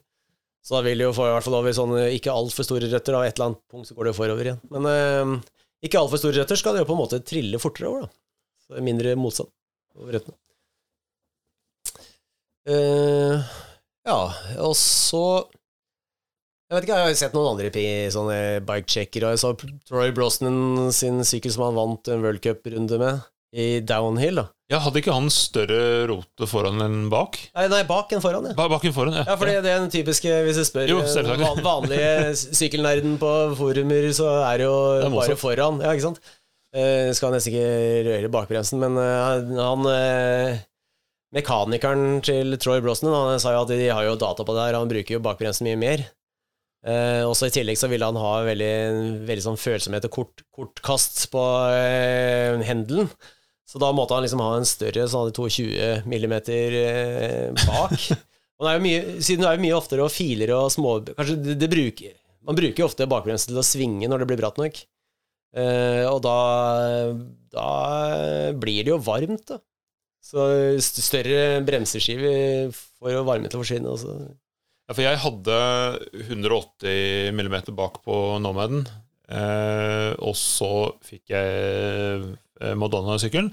Um, og den, eh, Jeg visste ikke da jeg bestilte, jeg tenkte ikke på det sånn typisk som jeg leste ikke nok, men eh, jeg visste ikke at den kom kun med em, 200 mm eh, bremsefeste bak. Mm. Em, og så var det enklere for meg å kjøpe en ny bremseskive enn å eh, bestille en ny bremsefeste fra Tyskland, der sykkelen kommer fra. Ja. Eh, så tenkte jeg ja, ja, ser litt kult ut, 200 foran 200 bak. Men jeg merker faktisk ganske stor eh, forskjell, altså spesielt, spesielt i bikepark. Ja. Eh, det er sånn type sted man kan få oppleve breakface. Det er jo mye høyere eh, my, mye mange, mange flere høydemeter. Mm. Eh, men jeg, jeg merker en sånn kjempefordel. Jeg tenkte egentlig jeg skulle kjøpe meg 200 mm og så gå ned til 180 etter hvert, men jeg kommer ikke til å bytte tilbake. Nei, nei, nei. Så. Det er sikkert bra, det. altså. Ja, så Ellers så har jo Ben Cathro også startet sånn ny serie som heter How to Bike. Den har jeg vært eh, inspirert over. Ja, den var jo morsom, den første episoden hvor, hvor han snakket om å lære seg nye ting. Og det, og det var jo veldig fort. At han lærte seg crankflip, det er ganske kult triks, faktisk. Ja. Ble, da, da ble jeg litt inspirert. Ja. Eh, Jeg, jeg, jeg fikk ikke lyst til å gå ut og lære meg crankflip eh, med en gang. Jeg, mye fordi jeg har ikke sånne shin guards. Ja, jeg har noen du kan låne hvis jeg. ja, det, det, det, kan det, det kan jeg Vet du, være hvor det, har, fått, har de shin på. Nei, det var, det var på BMX sin. Jeg tror jeg vant i en BMX-konkurranse. Oh, ja. Jeg tror det var eh, kanskje Jeg hadde andre Det var sånn derre en østlandsmesterskap i bowl, den der skatebowl. Ah, ok. Eh, Og det tror jeg var en andreplass. Vant Shingards? Ja, ja, ja. Aldri brukt, eller? Nei, jo, jeg brukte de faktisk i Jeg tror jeg brukte de i Nesbyen en gang. For det var regna. Da kunne du jo enten ta på deg shorts og et eller annet som dekker leggene. Det var jo kaldt, da. Det var jo sånn der jakkevær, liksom. Ja. Ja, så tok jeg på de. Guards.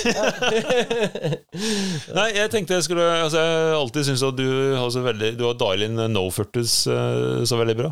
Jeg har alltid vært livredd for no-footers. eh, eh, nettopp fordi at uh, når man skal lande på pedalen din, og ikke treffe med. Eh, foten som er foran, sånn at du får sånn tidens pedal slap. Sånn. Ja, det kan være. Jeg har hatt en del av de, det er ikke noe hyggelig. Eh, men jeg, helt latterlig, jeg har aldri tenkt på det før, men jeg så jo han Ben Cathro da han lærte crankflip. Så satte han bare setet opp i starten. For da kunne han på en måte ta en crankflip, og så kunne han lande crankflip i det han lander på setet. Ja, ja, ja, ja. Sånn at hvis han missa på pedalene, så satte han på setet likevel, og da blir det ikke noe trøkk på pedalene, sånn at det skjer ikke noe den derre pedal slap. ikke sant? Så begynte jeg å leke med det, eh, og etter hvert så sank jeg setet mitt eh, ned. Og så begynte jeg å, sette, begynte å sitte. Nei, Så jeg, jeg har ikke Jeg skal ikke påstå at jeg har tatt det i bunny up ennå. Men det er neste Ja, men det, det er neste Neste steg. Ta, ta en liten bunny up, kanskje få litt hjelp ut fra Uh, F.eks. ved innkjørelse til en eller annen bolig der på fortauskant der det går liksom litt oppover, så hoppe ut, liksom. Så får du litt luftetid, og så prøve å ta en sånn Så det, det Kanskje vi skal ta en sånn challenge, da. ja. Den, er- før neste episode skal jeg prøve å legge ut en uh, no footer på, på Instagram. Kult. Før neste episode. Ja. det må jeg ta en knuckles på. Jeg tar den ikke på Woodstock-hoppet i eh, Drammen, sånn som du gjorde, men Det eh, kan ta en neste år, da. ja. ja, for Det ser jo så kult ut. Ja, men så bra. Ja, men det, det er bra. Det må lære. Ja, så, kan jeg, så kan jeg lære meg manual eh, uken etter. Ikke sant? Særlig. Ja, jeg, jeg har jo lov til å ta manual i løpet av året. Så altså, kunne manual. Jeg har alltid kunnet noe manual, men eh, Men han, han hadde noen morsomme kommentarer om eh, styrebredde. var episode to, da, som ikke var denne te- teste triks-greiene, men episode to handlet om eh, bike setup. Mm. Og det, var- det var egentlig Det var, han gikk gjennom veldig mye, jeg skal ikke gå gjennom alt, men eh, det morsomme syns jeg var at han understreket at han var jo på en måte ingen fasit. Når du er på forumer, og sånn, så får du jo veldig inntrykk av at det er én fasit. Og Ja, så ser du På styrebredde. ja. Ja, på- styrebredde og på lengde og sykkel og på Ja, alt. for jeg, husker det var Det var en kalkulator eller det var en Ja. sånn formel et eller annet vi leste om en gang, Mm. på styrebredde, altså i forhold til liksom skulderbredde og høyde og litt sånn diverse. Og da regnet jeg ut at jeg skulle egentlig sykle med 840 brei styre. Og Ben Castro skulle ha 870. Han er lang, han, altså. Da kan du kjøpe sånn kosteskaft. Ja, og så er det andre som eh, har andre fasiter, hvor det gjør at du får veldig smalt styr igjen. Ja. Men noen av de, noen av de problemene er at de, fasitene tar som regel utgangspunkt i én egenskap. Og noen av de tar f.eks. utgangspunkt i hvor hardt du kan dra. Hvis vi skal bunnyhoppe, opp, da, så er det jo en styrebredde som sannsynligvis er Som er relativt smal, som gir deg nok mest krefter. Ja. Ja, eller bare dra opp en manual, for eksempel. Men eh, sett at du er midt i en sving, så er det ikke sånn at du driver og drar i styret eller skal dytte i styret. Du er på en måte Du skal hindre ofte styret i å ja, altså, i, altså hjulet blir, Forhjulet går gjennom forbi steiner og blir slått litt ut av stilling. Men hvis du har et veldig bredt styre, da, så får du jo Får du mer eh, vektstangprinsippet på Mm. din side. Mm. Hvis du har veldig smalt styre, kan du prøve å holde bare i midten Mm. og se om du greier å holde igjen forhjulet Ja, ja. fra å falle ut av stillingen og kjøre gjennom rockgarden. Men hvis du har et veldig bredt styre, så har du jo vektstangprinsippet, så det er ikke det, er ikke det nødvendigvis at du får rekruttert Som alle disse eh, guidene ofte går på, er rekruttere mest mulig av dine ryggmuskulatur og sånn. Liksom. Det er jo ikke Det er jo ikke en treningssenter, dette her. Nei. Men du får lov å bruke vektsankprinsippet, så får du jo mye hjelp der, da. Men samtidig så er det jo veldig mye grenser, og det var veldig mye bruk av Det, lønner seg å se den videoen, for han snakker litt om det. Men sånn bed, bredere, for eksempel, er det bedre for, eh, mot, komp, mot problemer i kompresjoner og sidelengsbevegelser på sykkelen. Smalere, du kommer jo lettere forbi trær, det kan være bedre eksempel en vi- Kanskje hvis viss smalhet, ikke altfor smalt, men det er jo bedre når du skal dra i styret, for eksempel, bruke en del krefter sånn rett frem og bakover. Mm. Men ja, så det var veldig mange det, det viktigste var ikke at det er ikke noen konklusjon, du må jo liksom finne litt ut av det. Men han selv hadde bredest på downsykkelen, litt smalere på endurosykkelen og enda litt smalere på, på liksom cross country-sykkelen. Ja, for jeg hadde 760 på Mm. cross country-sykkelen min. Ehm, men da nå, nå, nå, nå satt jeg på Altså, jeg hadde 760 med 10 10 mm rise. Ja. Eh, og nå satt jeg på 800 med 20 mm rise. Eh, og det var fordi at rett og slett eh, jeg drev og bytte så mye mellom endurosykkelen og Mm. eh, cross country-sykkelen. Og forskjellen Det, det, blei for rart. Ja, nei, men jeg altså, har jo en sånn Birkin uh, hardtail som du satte egentlig for et bredere styre på for meg. Ja, stemmer. Og det gjorde jo plutselig at jeg fikk en helt ny sykkel, da jeg plutselig ikke var så innmari Altså, det, den er litt skummel uansett, men uh, jeg blir ikke så innmari redd om jeg må innom en sti. Jeg har, en, eh, jeg har den den gamle styret fortsatt. Du har det? Og den bruker jeg til noen sånn balanseøvelse. okay. Den er så smal. Ja, ja, den er så smal. Ja, ja. Jeg skjønner at du vil balansere den. Jeg tenker at det kan ikke brukes til noen ting. Nei, nei. Jeg, jeg, jeg begynte å tenke litt, så kanskje barn kan ha den? Ja, ja, kanskje det. Ja, det er jo karbon, da. Ja, ja, det er karbon. Ja, det, det føles veldig fancy å ha sånn karbonbalansestyre til noen sånn mageøvelse og greier. Ja, altså, det, det er bra. Men det, viktigste der var liksom eh, litt sånn uh, bruk det til det det skal. eh, og at det er ikke, det er ikke, Du må ikke høre på alle fasiter, da. Men, eh, Nei. og samme med lengde på sykkelen. Det var liksom en kortere sykkel, som vi akkurat har snakket om. eh, Det var inne på det, og det er- kortere sykkel gir deg mer lettmanøvrerbarhet. da Det er jo derfor disse der eh, dirtjumperne er vesentlig kortere enn en, en grov endurosykkel. Eh, og du kommer jo til å merke det. Ja. så, så, men eh, der også, det er sånn Det er litt, handler litt om horses for courses. Altså, Ja, det- skal, må du, er det en løype du må Selv om det er bratt, er det en løype du må manøvrere gjennom, sånn som Jack Moyer måtte der, så kan det hende at en litt kortere sykkel gir deg mer fordeler uansett. Altså. Ja, ja. Men så er det ikke alle som igjen da, jeg må understreke at alle er ikke sånn som de proffene som kan ta en veldig kort sykkel og bare monstertrøkke gjennom eh, grove, raske 50 km i timen løyper heller. Ja. Altså, jeg, jeg har jo selv, som sagt, 800 styre på endurosykkel, men så satte jeg på de der sånne eh, plugger som gjør at du kan eh, plugge dekket hvis Ja, du punkterer. sånn, Ikke ja, sant? ja, ja, det sånn samurai, samurai sword. Ja, nettopp. Eh, men De det- dynker alltid borti trær. Ja, altså det bygger på eh, Jeg tror det er nesten en centimeter. Altså det, Ja, de er ganske det, tjukke. altså. Ja. Så jeg tenkte at ja, kanskje jeg skal kappe ned. Men altså, kappe ned på karbonstyret som koster mellom jeg rentalstyret sånn rundt 1500 kroner, det, det sitter langt inne. Altså. Jeg kappa jeg bare hiv det på baufilen og kappa. Hardcore, altså. Nei, men det, det, det må jo kappes til deg, din egen. Jeg har tenkt på flere du ganger. Sånn- ja, ja, jeg tenker tenkt på flere ganger. Sånn, åh, jeg sitter langt inne. De, de, er jo, de er jo lagd for å kappes. Ja, kanskje jeg skal gjøre det. Jeg kan gi den til deg, så kan du kappe den. Eh, Det, det, er, for, det er for vondt. Det blir for vondt. Eh, nei, altså mm, Det er det egentlig. Eh, ikke finn noe fasit, og sånn som stacken også, litt opp og ned og Egentlig så skal du maks nedover. Stacken er liksom høyden litt på styret og alt det der. Da. Skal du kjøre fortest mulig nedover, så får du jo mer trøkk på forhjulet. Altså, det er lettere å bruke den trøkken når du har høyere stack. Mm. Men skal du oppover, så er det annerledes. Ikke sant? Så det er, ja, det er, det er, ikke, det er ikke én fasit uansett. Men det er noen ting som er veldig lett å, å justere på sjøl, altså stack opp og ned, og det er en del ting man kan eh, ordne sjøl. men det er det som er litt synd akkurat nå med korona, at det ikke har vært noen sånne demodager. Mm. Um, begynner å komme litt nå. Nå, er det utflukt eh, Tror jeg de skal holde i juli, eller et eller annet. Ja, det blir det. Ja, det blir det. Men det kan jeg i hvert fall anbefale, for jeg var på, på en sånn demodag oppe på Årvoll en dag. Da hadde jeg Transition og Revel og Santa Cruz og litt forskjellig. Så fikk jeg prøvd fire-fem forskjellige sykler sånn, i løpet av to timer. Mm. Det er utrolig lærerikt, egentlig, at du ikke bare prøver sånn små justering på egen sykkel, men at du kan faktisk dra det litt langt og Ja. prøve en sykkel som er mindre i størrelse og større i størrelse, for å kjenne på forskjell Ja. og kjente stier. Så jeg håper, det, håper sånt eh, dukker opp igjen snart. Mm.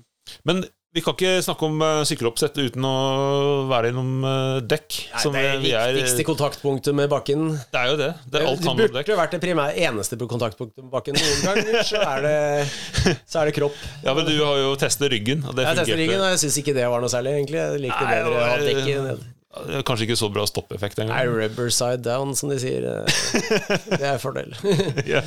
Men jeg, jeg, eh, var jo veldig nysgjerrig på Victoria, for jeg hørte noen podkaster om de, og de hadde liksom fire forskjellige eh, så, Fire forskjellige gummityper, mens sånn Svalbard og Maxis bruker jo tre, sånn, sånn Maxis kaller det 3C.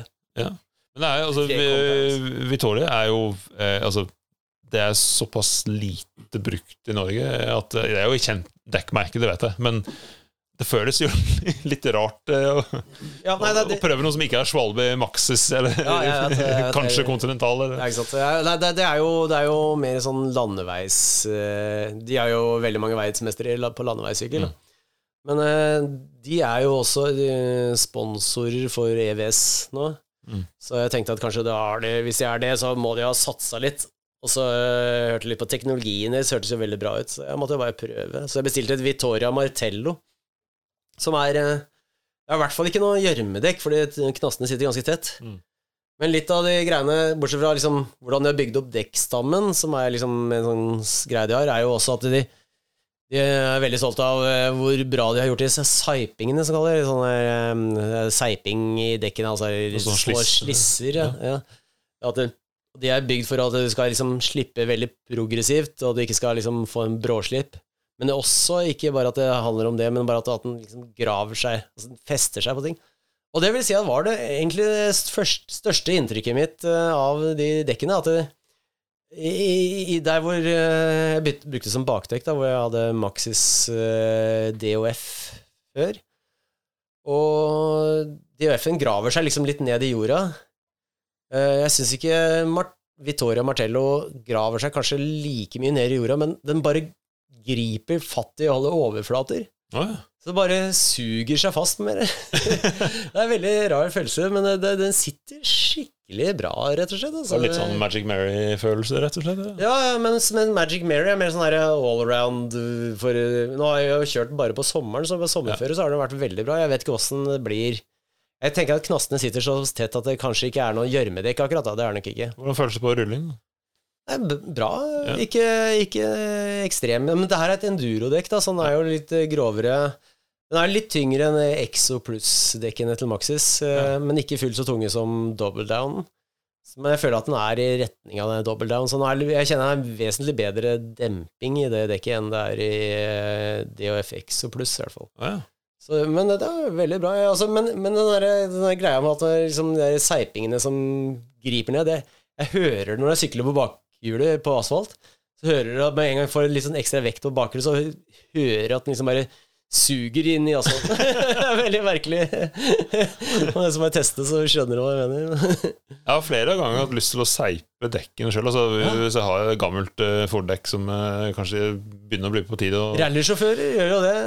Ja, altså- Mekanikerne så de sitter jo og seiper dagen før, avhengig av hvordan underlaget ser ut. Jeg ser for meg neste altså Før Drammen Enduro så sitter vi på parkeringsplassen og så driver dekkene. Ja, ja, ja, jeg gleder meg allerede. Jeg er pro, altså. jeg har prøvd med en tapetkniv, faktisk. Det gikk ikke så lett. Men jeg tror eh, godt verktøy. Altså, Ja, jeg tror det er veldig lett å få forskjellig altså, Enten skjære igjennom eller at eh, altså det, er på en måte får ikke Det bøyer seg bare, så du må ha litt sånn vekt på det. Så ja, Ja. det er sikkert en teknikk, altså. Eh, ja, nei, så det var bra. Og så på, ja, på dekkfronten, så kjørte på Urbean, så elsykkelen, da, så satt jeg så satt jeg Assegai Exo foran Exo Pluss foran. Ah, foran, ja. Ja, ja. ja. Jeg har den som bakdekk, men jeg har ikke Ja, den er jo egentlig mest foran. kjent som fordekk, egentlig, men eh, den er jo ålreit bakdekk også, fordi den er jo Ja, for jeg syns de, de knastene i midten er eh, Hva skal jeg si, de litt mindre grov Ser ut som de har bedre rulleegenskaper enn eh, DOF, som jeg har foran. Ja, altså, det som er, er jo at uh, man tenker kanskje at DF-en er bedre rulleegenskaper enn mange gjør, men jeg, jeg så jo en test hvor de rulla det faktisk bedre med en eh, Exo pluss-versjon av den Assegaien. Mm. På sånn grusunderlag. Eh, Men jeg syns faktisk det satt innmari bra. Jeg, jeg, jeg skjønner jo at det, det er en sånn litt sånn sommerhalvårsgreie, for knastene der også sitter sånn relativt tett. Mm. Så Magic Mary er enda mer all-around, fordi den er jo litt åpen, så den kaster jo gjørmen vekk. Men nå på sommeren, selv om det er vått, så er liksom gjørmen så tyntflytende at den sklir ut av dekket med en gang. Det er, eh, må bare si at det er eh, veldig spesielle eh, forhold nå. For nå har vi hatt mye relativt varmt eh, vær, som er veldig skiftende. Det regner, og så blir det dritvarmt, og så regner og så blir det dritvarmt. Ja. Eh, så det både tørker veldig fort, men selv om det er tørke, så er det fortsatt mye fukt i bakken. Ja. Og det er jo egentlig bare en fordel, for at eh, du får den derre tørr eh, Du får et tørt lag oppå, men det er så er det veldig fast under. Mm. Ja, Og du er, vil, du vil egentlig ha litt fuktighet i bakken for å få enda bedre grep. Så det er sånn det er litt hero dirt. Det er, det er hero dirt, men samtidig så føler jeg sånn eh, Det er sånn Det er nesten eh, barfrost-følelse noen ganger. For det, du kjenner at det er så Det er relativt hardt under. Det, er liksom, altså, det kan bli fort tørt. Jeg husker I fjor så var det en periode det var så innmari tørt, og det ble egentlig litt sånn småsketchy. Alt var jo så løst at du dreiv og liksom ja. skrente rundt hele tida. Ja, men jeg tenker i hvert fall når det er så, så fint føre som det er nå, så er Assegaien kanskje Kanskje et hakk over Magic Mary akkurat så. Mm. Men er nok litt mindre versatile, da. Jeg tror på høsten så blir det Når, gjørma blir klissete, så kan det jo være litt uleppe. Det, er litt sånn som eh, sånn ja, Jeg har prøvd et par andre dekk som er litt sånn at de er veldig bra på vått inntil det blir klissete gjørme, for da slipper det ikke. Ja. Mens eh, bak så har jeg da Dissector, Maxis Dissector, som er eh, Som er eh, eh, er ikke en semislik, men det nærmer seg semislik. Da. Det er- i midten er enda lavere. Og så er de Men sideknasten er veldig bra. Og de sideknastene, de, de er bra. De, de så faktisk Jeg syns ikke de sammenlignet med Assegai at de så så brutale ut, men de sitter innmari bra sidelengs. Men jeg, jeg merker, altså Jeg er ikke sikker på om Dissector er min favoritt bakdekk, for det Rulleegenskapene Jeg vet ikke, når det, først, eh, når det først er i krigen, så jeg vet ikke om rulleegenskapene har så mye å si, mens bremseegenskapene, som er helt ræva, de har jo litt å si. jeg bare skitter rundt i det bakdekket når jeg bremser. Altså. Jeg har sett det, det har sett det er ganske populær blant de som sykler mye bikepark. Ja, jeg kan tenke meg bikepark hvor det, er liksom, hvor det sitter litt fast. Preparerte løyper. Ja, og og du er jo avhengig av ofte Avhengig av å få ganske mye fart ut av doseringer. Sånn, eh, en del bikepark-løyper eh, må kjøres ganske fort. Og som, la oss si Hafjell rollercoaster. Da. Den øvre delen her, hvis ikke jeg har maksfart, så Eller veldig mye fart da, ut av doseringene, så eh, kommer det jo ikke over. Nei. Og jeg så, jeg så en i Drammen eh, her om dagen på, på DO-sykkel med eh, Maxis Recon-dekk. Som er jo egentlig en sånn XC-dekk. Ja. Ja, for det, det kom jo faktisk bak på den der uh, Orbeaen min eh, til å begynne med. Ja. Det tok jeg av nesten med en gang. I rullebra. Ja, det ruller bra, men jeg syns det, det var ræva sidegrep. Altså. Ja, det var det. Ja, ja. Ja. I hvert fall sammenlignet med sånn enduro-dekk, da, så var det jo på en måte litt skummelt, syns jeg. Jeg syns det var litt spesielt å se det på deo-sykkel, Men... Ja. Altså, hvis vi kjører bare der hvor det er eh, doseringer, så vil du jo ikke ha det problemet med sideknastene, for det kjører jo nesten bare på midten og litt på siden av dem. Eh, det er jo ikke bare sånne ting. Nei, vi går videre. Ja. EVS. Eh, Ja. Det er jo de norske Vise frem litt, da. Ja, altså, det, det er i hvert fall reist en norsk delegasjon ned til EVS La Tuile, uttales det vel? La Tuile? La Tuile, ja. Ja. Eh, tu, la Tule La tuile. Ikke, ikke noe med de takstativene å gjøre. Nei, nei, Tule Eller bikestativ Jeg vet på bilen. Det er godt Altså, men de har jo ikke kjørt Nå er det fredag når vi snakker her nå, da, så eh, de unggutta har ikke kjørt eh, nå Det er tre stykk som har reist. Det er Christian Holliman, William Scheel og Ola Jovold Landmark. Han Ola Jovold Landmark han kjører i eh, Pro-Men, da. Så han, jeg så han kom på 114.-plass på det første rittet. Det er, Mm. det er to ritt eh, rett etter hverandre. Mens eh, de to unggutta kjører eh, kun i morgen. Så de har jo ikke noe resultat på ennå. Men jeg, jeg har hørt noen, fått noen rapporter på at løypene i La Touille de er bratte. Det er sånn dobbel black diamond hele veien. de er bratte. Jeg husker, jeg tror det var vel første året, var det i fjor eller forfjor, eller sånn, var de Jeg tror kanskje det var første gang det var eh, enduroritt der, det husker jeg ikke helt, men eh, det regna. Mm. Og det Folk syntes ikke det var morsomt. Nei. Jeg har hørt noen kommentarer fra eh, downhill-proffer og enduro-proffer som har syklet både downhill og enduro. Og det er flere som har kommentert at eh, de enduro-konkurranse er de mer redd for. Og Ja. at det er eh, på en måte grovere, for du, selv om du får sykle gjennom én gang, men det er, det er én gang. Ja.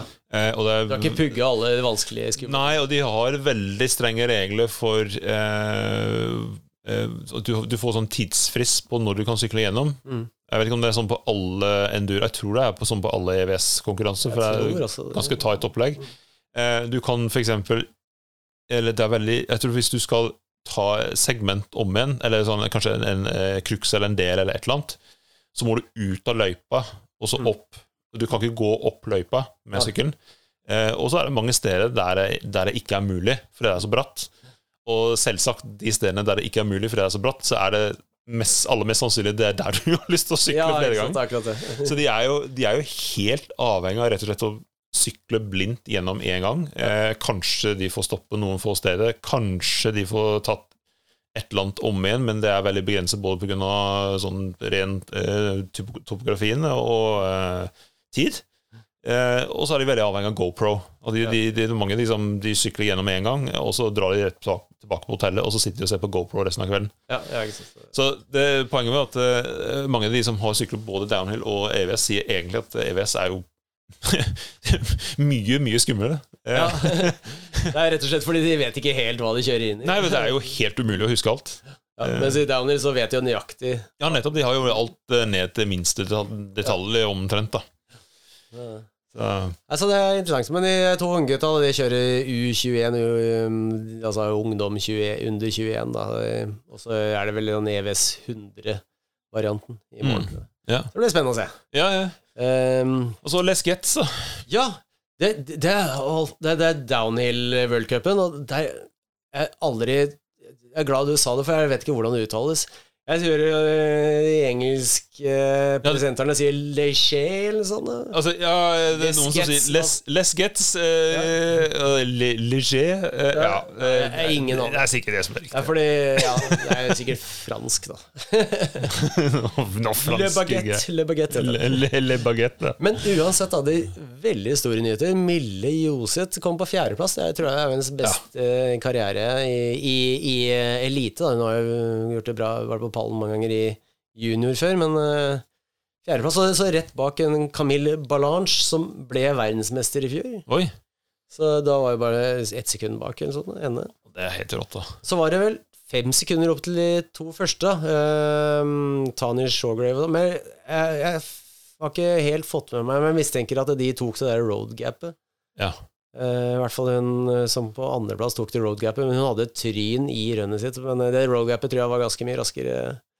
Og det var enormt, altså. Det var ikke Det var ikke Det var jo dødelig ja Roadgapen, den var heavy. Ja, det var Og så lander de i en uh, Sving. venstredosering. Ja, ikke sant. Og så var det um, Så det var hun du nevnte i stad, som jeg husker ikke navnet på, som trynte. Som Mm. sa at uh, det hadde endret seg eh, over, altså fra de kjørte gjennom, hadde Ja.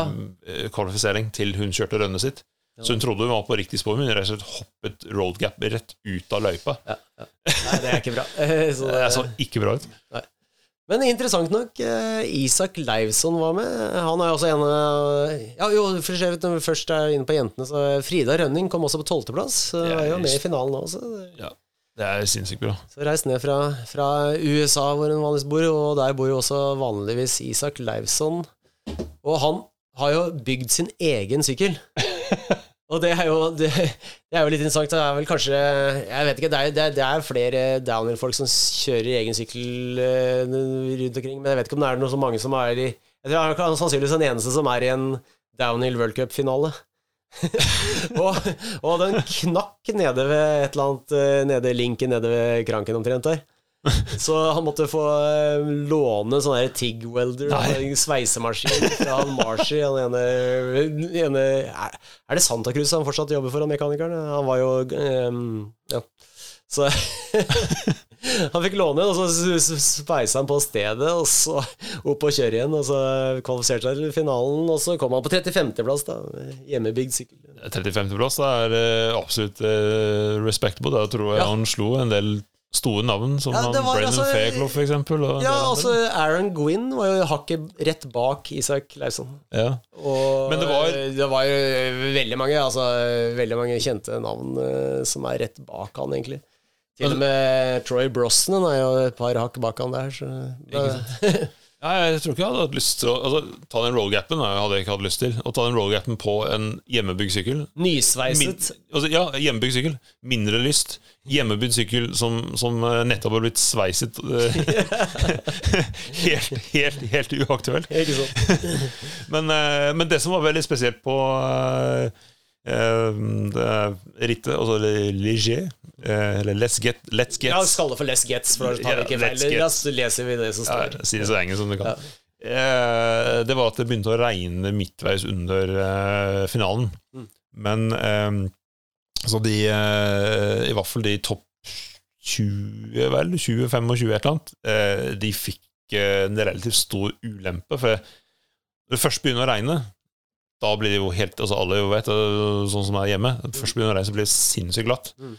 Men så så vi på tidene, eh, selvsagt, eh, jo lenger du kommer ut og i, i rennet, og så nærme de, som er de siste topp ti, så, så har du de raskeste, men likevel, når det begynner å regne mye, så begynner festet å bli bedre igjen. Det Ja, når det regner lenge nok, så blir det vaskerent. Alle sånne Ja. sleipe greier. Ja. Liksom. Eh, men før i tida så var det noe downhill-ritt der folk under kvalifisering hadde sett på værmelding og hadde spekulert i eh, Og så hadde sett at det skal regne ut på dagen, og hadde regnet med at eh, hvis du havner i f.eks. topp 10 eller topp 20, så er det ganske stor sannsynlighet for at det skal regne. Mm. Så da hadde de Jeg husker ikke navnet hans, så jeg skal prøve å finne ut av hvem det er. Men eh, han hadde rett og slett kjørt kvalifisering og stoppet underveis. Ja, for å time en sisteplass. Yes, og så kommet inn, og så var jeg en av de første som eh, Eller i hvert fall veldig tidlig ut da, fra start, eh, og så vant han. Ja.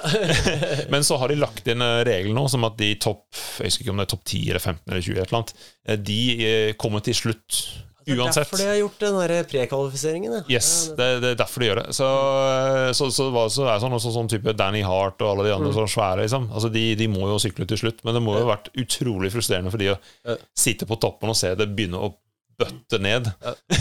sant. Men når det er sagt, eh, så var det Det var noen som likevel eh, kom ganske nært på å havne på pallen. Ja. Men så var det spesielt Skogspartiet Det var flere Skogspartier, men det er et parti som var ekstremt vanskelig, masse off-camera. Det- Den, den eh, tok, jo, tok jo mange ryttere, da.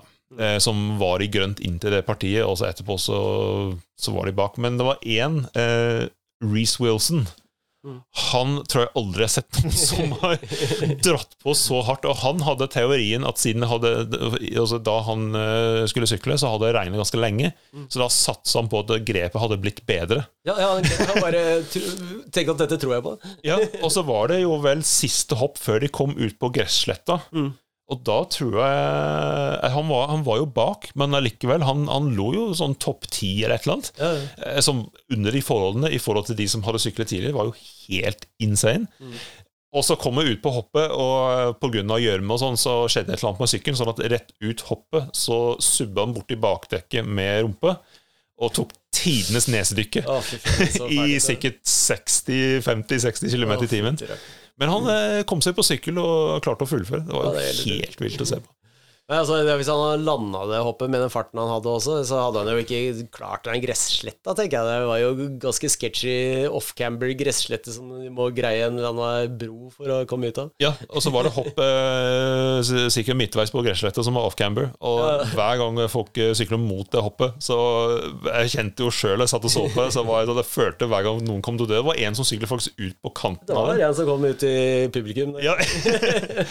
Nei, det var helt Men han som vant, Thibaut da, Ti- Thibaut Daprella Thibaut Daprelle, Ja. vi sier det er greit. Ja. Han, eh, han ble hadde ikke all forutsetning for å vinne, Nei, for å si sånn. Bare en uke før så var det franske cupen, så ble han henta med helikopter fordi han skada seg så fælt. Knakk nesa og diverse.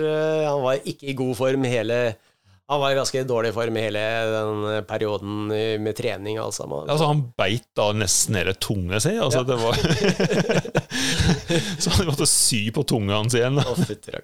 Nei, altså, men han sa han følte, begynte å føle seg litt bedre på akkurat den finaledagen. Da.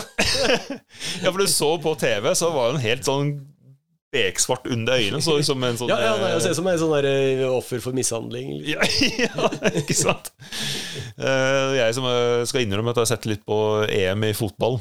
Og ser på liksom, noen av de reaksjonene de fotballspillere har når de er litt sånn i duell og sånn. Også Kanskje det italienske laget spesielt. Ja, ikke sant? Og så ser på en Thib- Thibaut Thibaut. Thibaut Daprella, tror jeg de sier. Jeg, jeg vet fortsatt ikke hvordan det egentlig uttales. Vi kan liksom ikke høre på engelske kommentatorer, Fordi for de kjører, sier jo ikke fransk riktig. Nei, nei, nei. Det er jo nesten verre enn nordmenn. ja, ja, ikke sant? Nei, det er hats off. Han Ja. fyren er beinhard, altså. Han er tøffing. Og han kjører så innmari kult også. Han har jo den villeste stil. Ja, ja. Men Kyle and April Kyle and April? Ja, den der eh, YouTube-serien. Um, Altså, det er jo Hva heter han til etternavn? ja, hva heter han? til Han er jo veldig kjent uh, syklist eh, Men han har Carl, fått- Carl, Warner, Carl Warner heter han. Carl Warner, ja. Ja. Og han har Altså, han har jo dame, fått med dama si eh, på, På sånn opplæringsvideoserie. opplæringsvideo. Hun, hun har vel en bakgrunn som Hun har kjørt uh, motocross på høyt nivå, men hun har ikke sykla så mye, tror jeg. Ja, men ja, hun må ha et eller annet i Nei, nei, for er- tror jeg er motocross. Uh... det, det nivået som uh, hun har, det Ja, det er jo Det er sånn- manges nivå, det. Shit! Men serien går jo på at han lærer henne ting, og derfor Ja. går det gjennom ganske veldig, vil jeg si, pedagogisk og Hun har så veldig fin kjemi, så det er jo fint å se på, egentlig, generelt sett. Det er veldig koselig. Ja, ja, ja. Men han skulle også da ha en Her, her var ikke en April eh, med på, så jeg vet ikke om det var bare sånn eh, pausegreie, men han skulle bare vise at hardtail var mulig å kjøre på hardtail også. Ja. Så han meldte seg på en downhill-konkurranse i USA. Eh, her var vel ikke det sånn aller, aller, aller største downhill-konkurransen, men en downhill-konkurranse han meldte seg på. Med hardtail, bare for å vise at det går an å kjøre gjennom løypa med en hardtail. Og hva skjedde egentlig da? Du kan jo Jeg vet hva som skjedde, men Nei, ja, altså, saken var jo eh, Kyle Warner er vel ikke så dårlig på sykkel. Han vant jo. Ja, han, ja, han, han vant uh, Var det hele dritten, eller var det, var det Det pro-klassen? var pro-klassen. Altså, Ja, det, var pro-klassen. vel, det var vel toppklassen, det, tror jeg. så det var jo veldig morsomt, for i den morsomme klippene. Og så han kom bakerst i en kø, og så bare Are you pro? sa han da. Ja, he's pro. Så, så alle flytta seg sånn. Ja. sånn det som et hav som delte seg. Men jeg, jeg tenkte først det var sånn der, det jeg tenkte var ja, alle var superimponert at han er pro, men det var jo sikkert bare at pro-klassen skulle kjøre først. før Ja, ja. neste klasse skulle Men, han, eh, men det skal sies at det var ikke det groveste downhill-løypet som uh, fins. Nei, det var jo maskinbygde løyper. Ja, sett, da, med- Men likevel. eh, Ja, likevel, altså. Men, men det det har for så vidt tenkt litt på, at hvis du har Altså, det var noen partier der som favoriserte fulltempere, men hvis du har ganske smooth løype, og det er mye du kan pumpe, og det er doseringer som er smoothe, så er jo en hardtail Den er jo raskere. Altså, i en, i en uh, Hvis jeg vet ikke om du har prøvd å Ja, du har jo prøvd å kjøre en pump track med en fulldemper. ja, ja. Det er jo, suger jo livet ut av deg, egentlig. Ja, ja. Mens hvis du tar det med en hardtrail, så bare spretter du av gårde, og så blir det farlig raskt. Veldig. ja, ja. Så en hardtrail er jo raskere å pumpe med. Altså, det, er jo, det er jo rett og slett i noe i det Aslak Mørstad driver og Ja da, ja da. eh, preker. Den har jo sine, sine bruksformål, den. altså. Ja. Men det, var jo, det er jo nok ikke alle som tør å, tør å kjøre fort på den, sånn som Carl Warner gjør. da. Nei. Eller Aslak, for den saks skyld. Eh, Aslak har liksom litt den samme farten eh, nesten uansett. Det er sånn Han har testa de der gamle 80-talls- og 90-talls eh, offroad-syklene. Altså, se den videoen er vel på terrengsykkelskolen eller et eller annet sånt. da. Mm. Det, det, det gikk jo fryktelig fort. Altså, det gikk jo saktere enn hans uh, endurosykkelrønn, men uh, det gikk jo fortere enn de fleste kjører ned der. Ja. Det var ikke så mange sekunder bak, men som han sa, da følte jo bare at det, det gikk, gikk liksom Han kjører jo den farten han kjører, men det var bare føltes innmari dødelig farlig. ja, men De som ikke har hørt på eh, episode én, om de ikke har hørt på det, så eh, prater Aslak eh, ganske mye om det. Og det å kjøre hardtail på bl.a. enduro-konkurranse. Som Ikke sant? har gjort det ganske bra. Det har han gjort et par ganger. Ja, vi begynner å komme mot uh, slutten, Vidar. Ja, Og da er det Det er bare én ting som gjenstår, egentlig. da er det det. Altså, jeg begynner å lure på om du har noe du vil tilstå, noe som plager deg. Jeg, jeg har jo egentlig det. Ja, Jeg har det. ja ok, da Jeg tror skal jeg jeg bare ønske deg velkommen inn i skriftestolen. ah, Takk. Må Lukke det sånn. Få sett meg ned. Det er jo hard på den benken her, altså. Ja, ja, det, det- det skal være litt ubehagelig. Ja, det er det Jeg er ikke lagd for det. Det er sånn som å få sånn spotlight rett i øyet. Det er sånn teknikk for å få det til å Ja, åpne opp og fortelle alt du egentlig ikke vil snakke om. ja det er akkurat det. Så det jeg, jeg lurer på da, er egentlig hva er det som plager deg? Nei, altså, jeg Jeg har syndet eh, og Det her er snakk om over mange år, rett og slett. Oi. Eh, det begynte egentlig da jeg var eh, Jeg tror jeg var sånn rundt eh, 12-13 eller noe sånt. Oi. Det var pappa. Han hadde fått seg en ny bil. Og pappa er ganske bilinteressert. Ja. Eh, og han hadde fått sin første BMW. BMW 520. Eh, det var den eh, første som kom med rekke sekser. 150 hester. Ikke sant? Sedan med aluminiumsfelger. Ganske rå bil. Og jeg og broren min eh, vi også var jo selvsagt bilinteressert. Og Den bilen var jo kjempekul, så vi satte inn og ut av den og lot som vi kjørte den alt mulig. Og blant annet så fant vi ut at han har en veldig lang og litt skrå panser. Som eh, vi fant ut det var veldig morsomt å sitte på og så skli nedover. ja, det pleier foreldre å verdsette. Ja. Eh, og så blir det jo merke på panseret. Ikke sant? Og så ser pappaen min selvsagt eh, disse merkene på panseret. Og tilfeldigvis så hadde jeg og broren min, som eh, sykler BMX, da eh, Vi hadde bygd hopp i hagen. Eh, og der, på, på gårdsplassen. Og pappaen hadde liksom parkert mellom hoppet, altså takeoff, og landingen. Og eh, han bare fikk det for seg at vi hadde drevet og hoppa over bilen med, med syklene. og eh, laget disse merkene. Og han blei jo dritsint, selvsagt. Eh, men vi klarte egentlig aldri altså Vi liksom påstod at det hadde, hadde vi ikke gjort. Men han var så bestemt at vi hadde hoppa over bilen eh, med syklene. Ja, det var jo litt kult at han trodde dere kunne det. Ja. Ikke sant? Altså, jeg skulle, herregud, jeg skulle gjerne hoppe over en bil med sykkel. Men eh, nei, han, han, han var helt bestemt at det hadde vi gjort. Og så ble det ikke noe snakk, mer snakk om det. Jeg husker ikke hva straffen var, men den var hard. Eh, ble ikke noe mer snakk om det. Eh, men uansett eh, Og så, i mange, mange år seinere, så gifta jeg meg. Og øh, han som var forloveren min, han holdt tale. og Han hadde ringt foreldrene mine og venner og litt forskjellig. Og så spurte litt sånn og få litt sånn bakgrunnshistorie, litt morsom historie og sånn. Og så, Begynner å se hvor det går. og så dukker opp det her igjen, ikke sant? Altså De driver og drar opp det da jeg og broren min hadde hoppa over bilen. Og så ser og så, Det var sikkert 100 mennesker som var der. Så sitter alle sammen der og blir fortalt hvordan jeg og broren min hoppa over bilen. Som aldri har skjedd. Og jeg kunne ikke da i bryllupet mitt si sånn, gå rundt 100 stykker og si nei, det her har ikke skjedd. Nei, nei. Så, så nå er det 100 familiemedlemmer diverse som går rundt og tror jeg kan hoppe over en bil.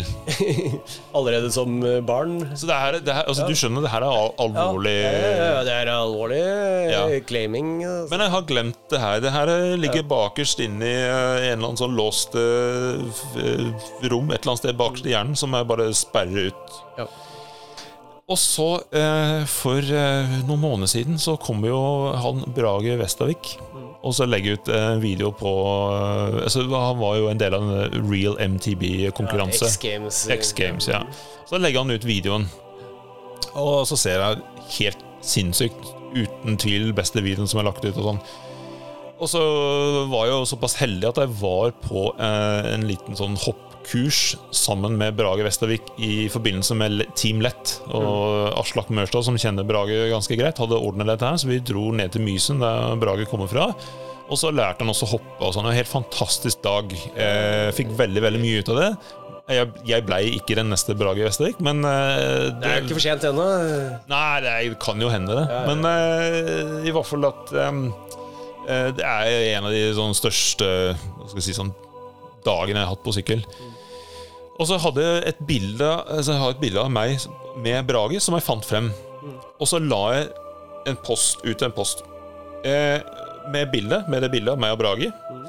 Og så skrev jeg eh, et eller annet at eh, eh, Jeg hadde vært på kurs med han, og eh, siden da så var det Da kan vi se hvem sin karriere har gått eh, videre, på en måte. Jeg husker ikke ordlagt hvordan jeg skrev, men det var noe sånn tilsvarende. Og så leser foreldrene mine posten.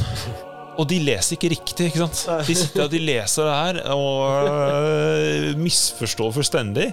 Klikker på linken til Brage. Og så faen meg så tror de at det er jeg som sykler! og så begynner jeg å få noen kommentarer på det.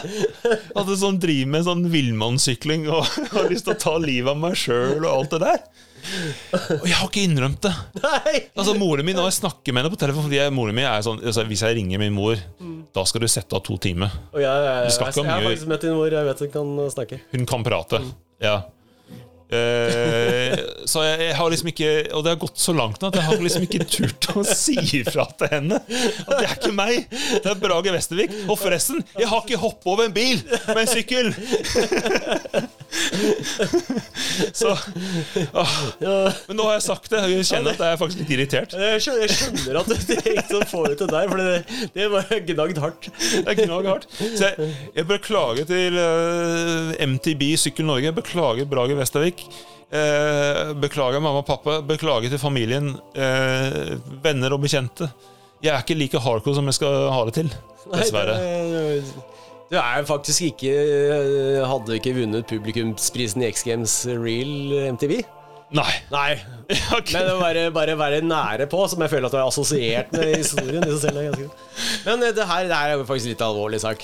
Eh, Jeg tror jeg vi må Skjønne det. med bare 15 Ave Marias, og så må du ta en hel stisykkelrunde med Årvoll øl og sykkelklubb kledd i eh, Lycra.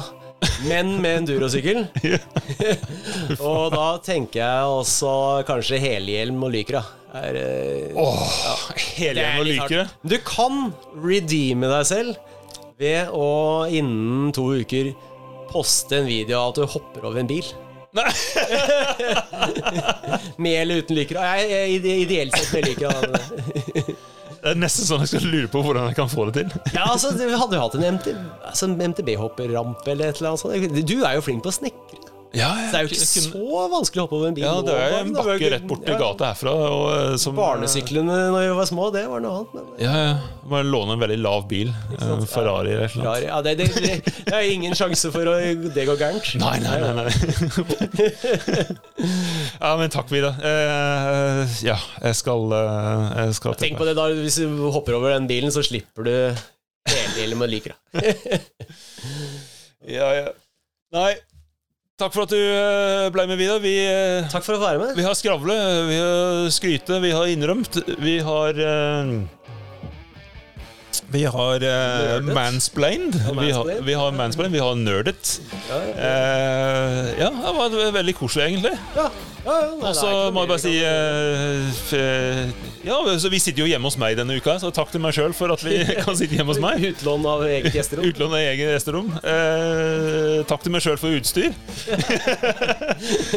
og så nå tar vi en liten sommerpause. Så Sannsynligvis så kommer vi ikke tilbake før litt sånn ut i august. Um, men eh, inntil videre, følg oss på Instagram, eh, OTB-podden.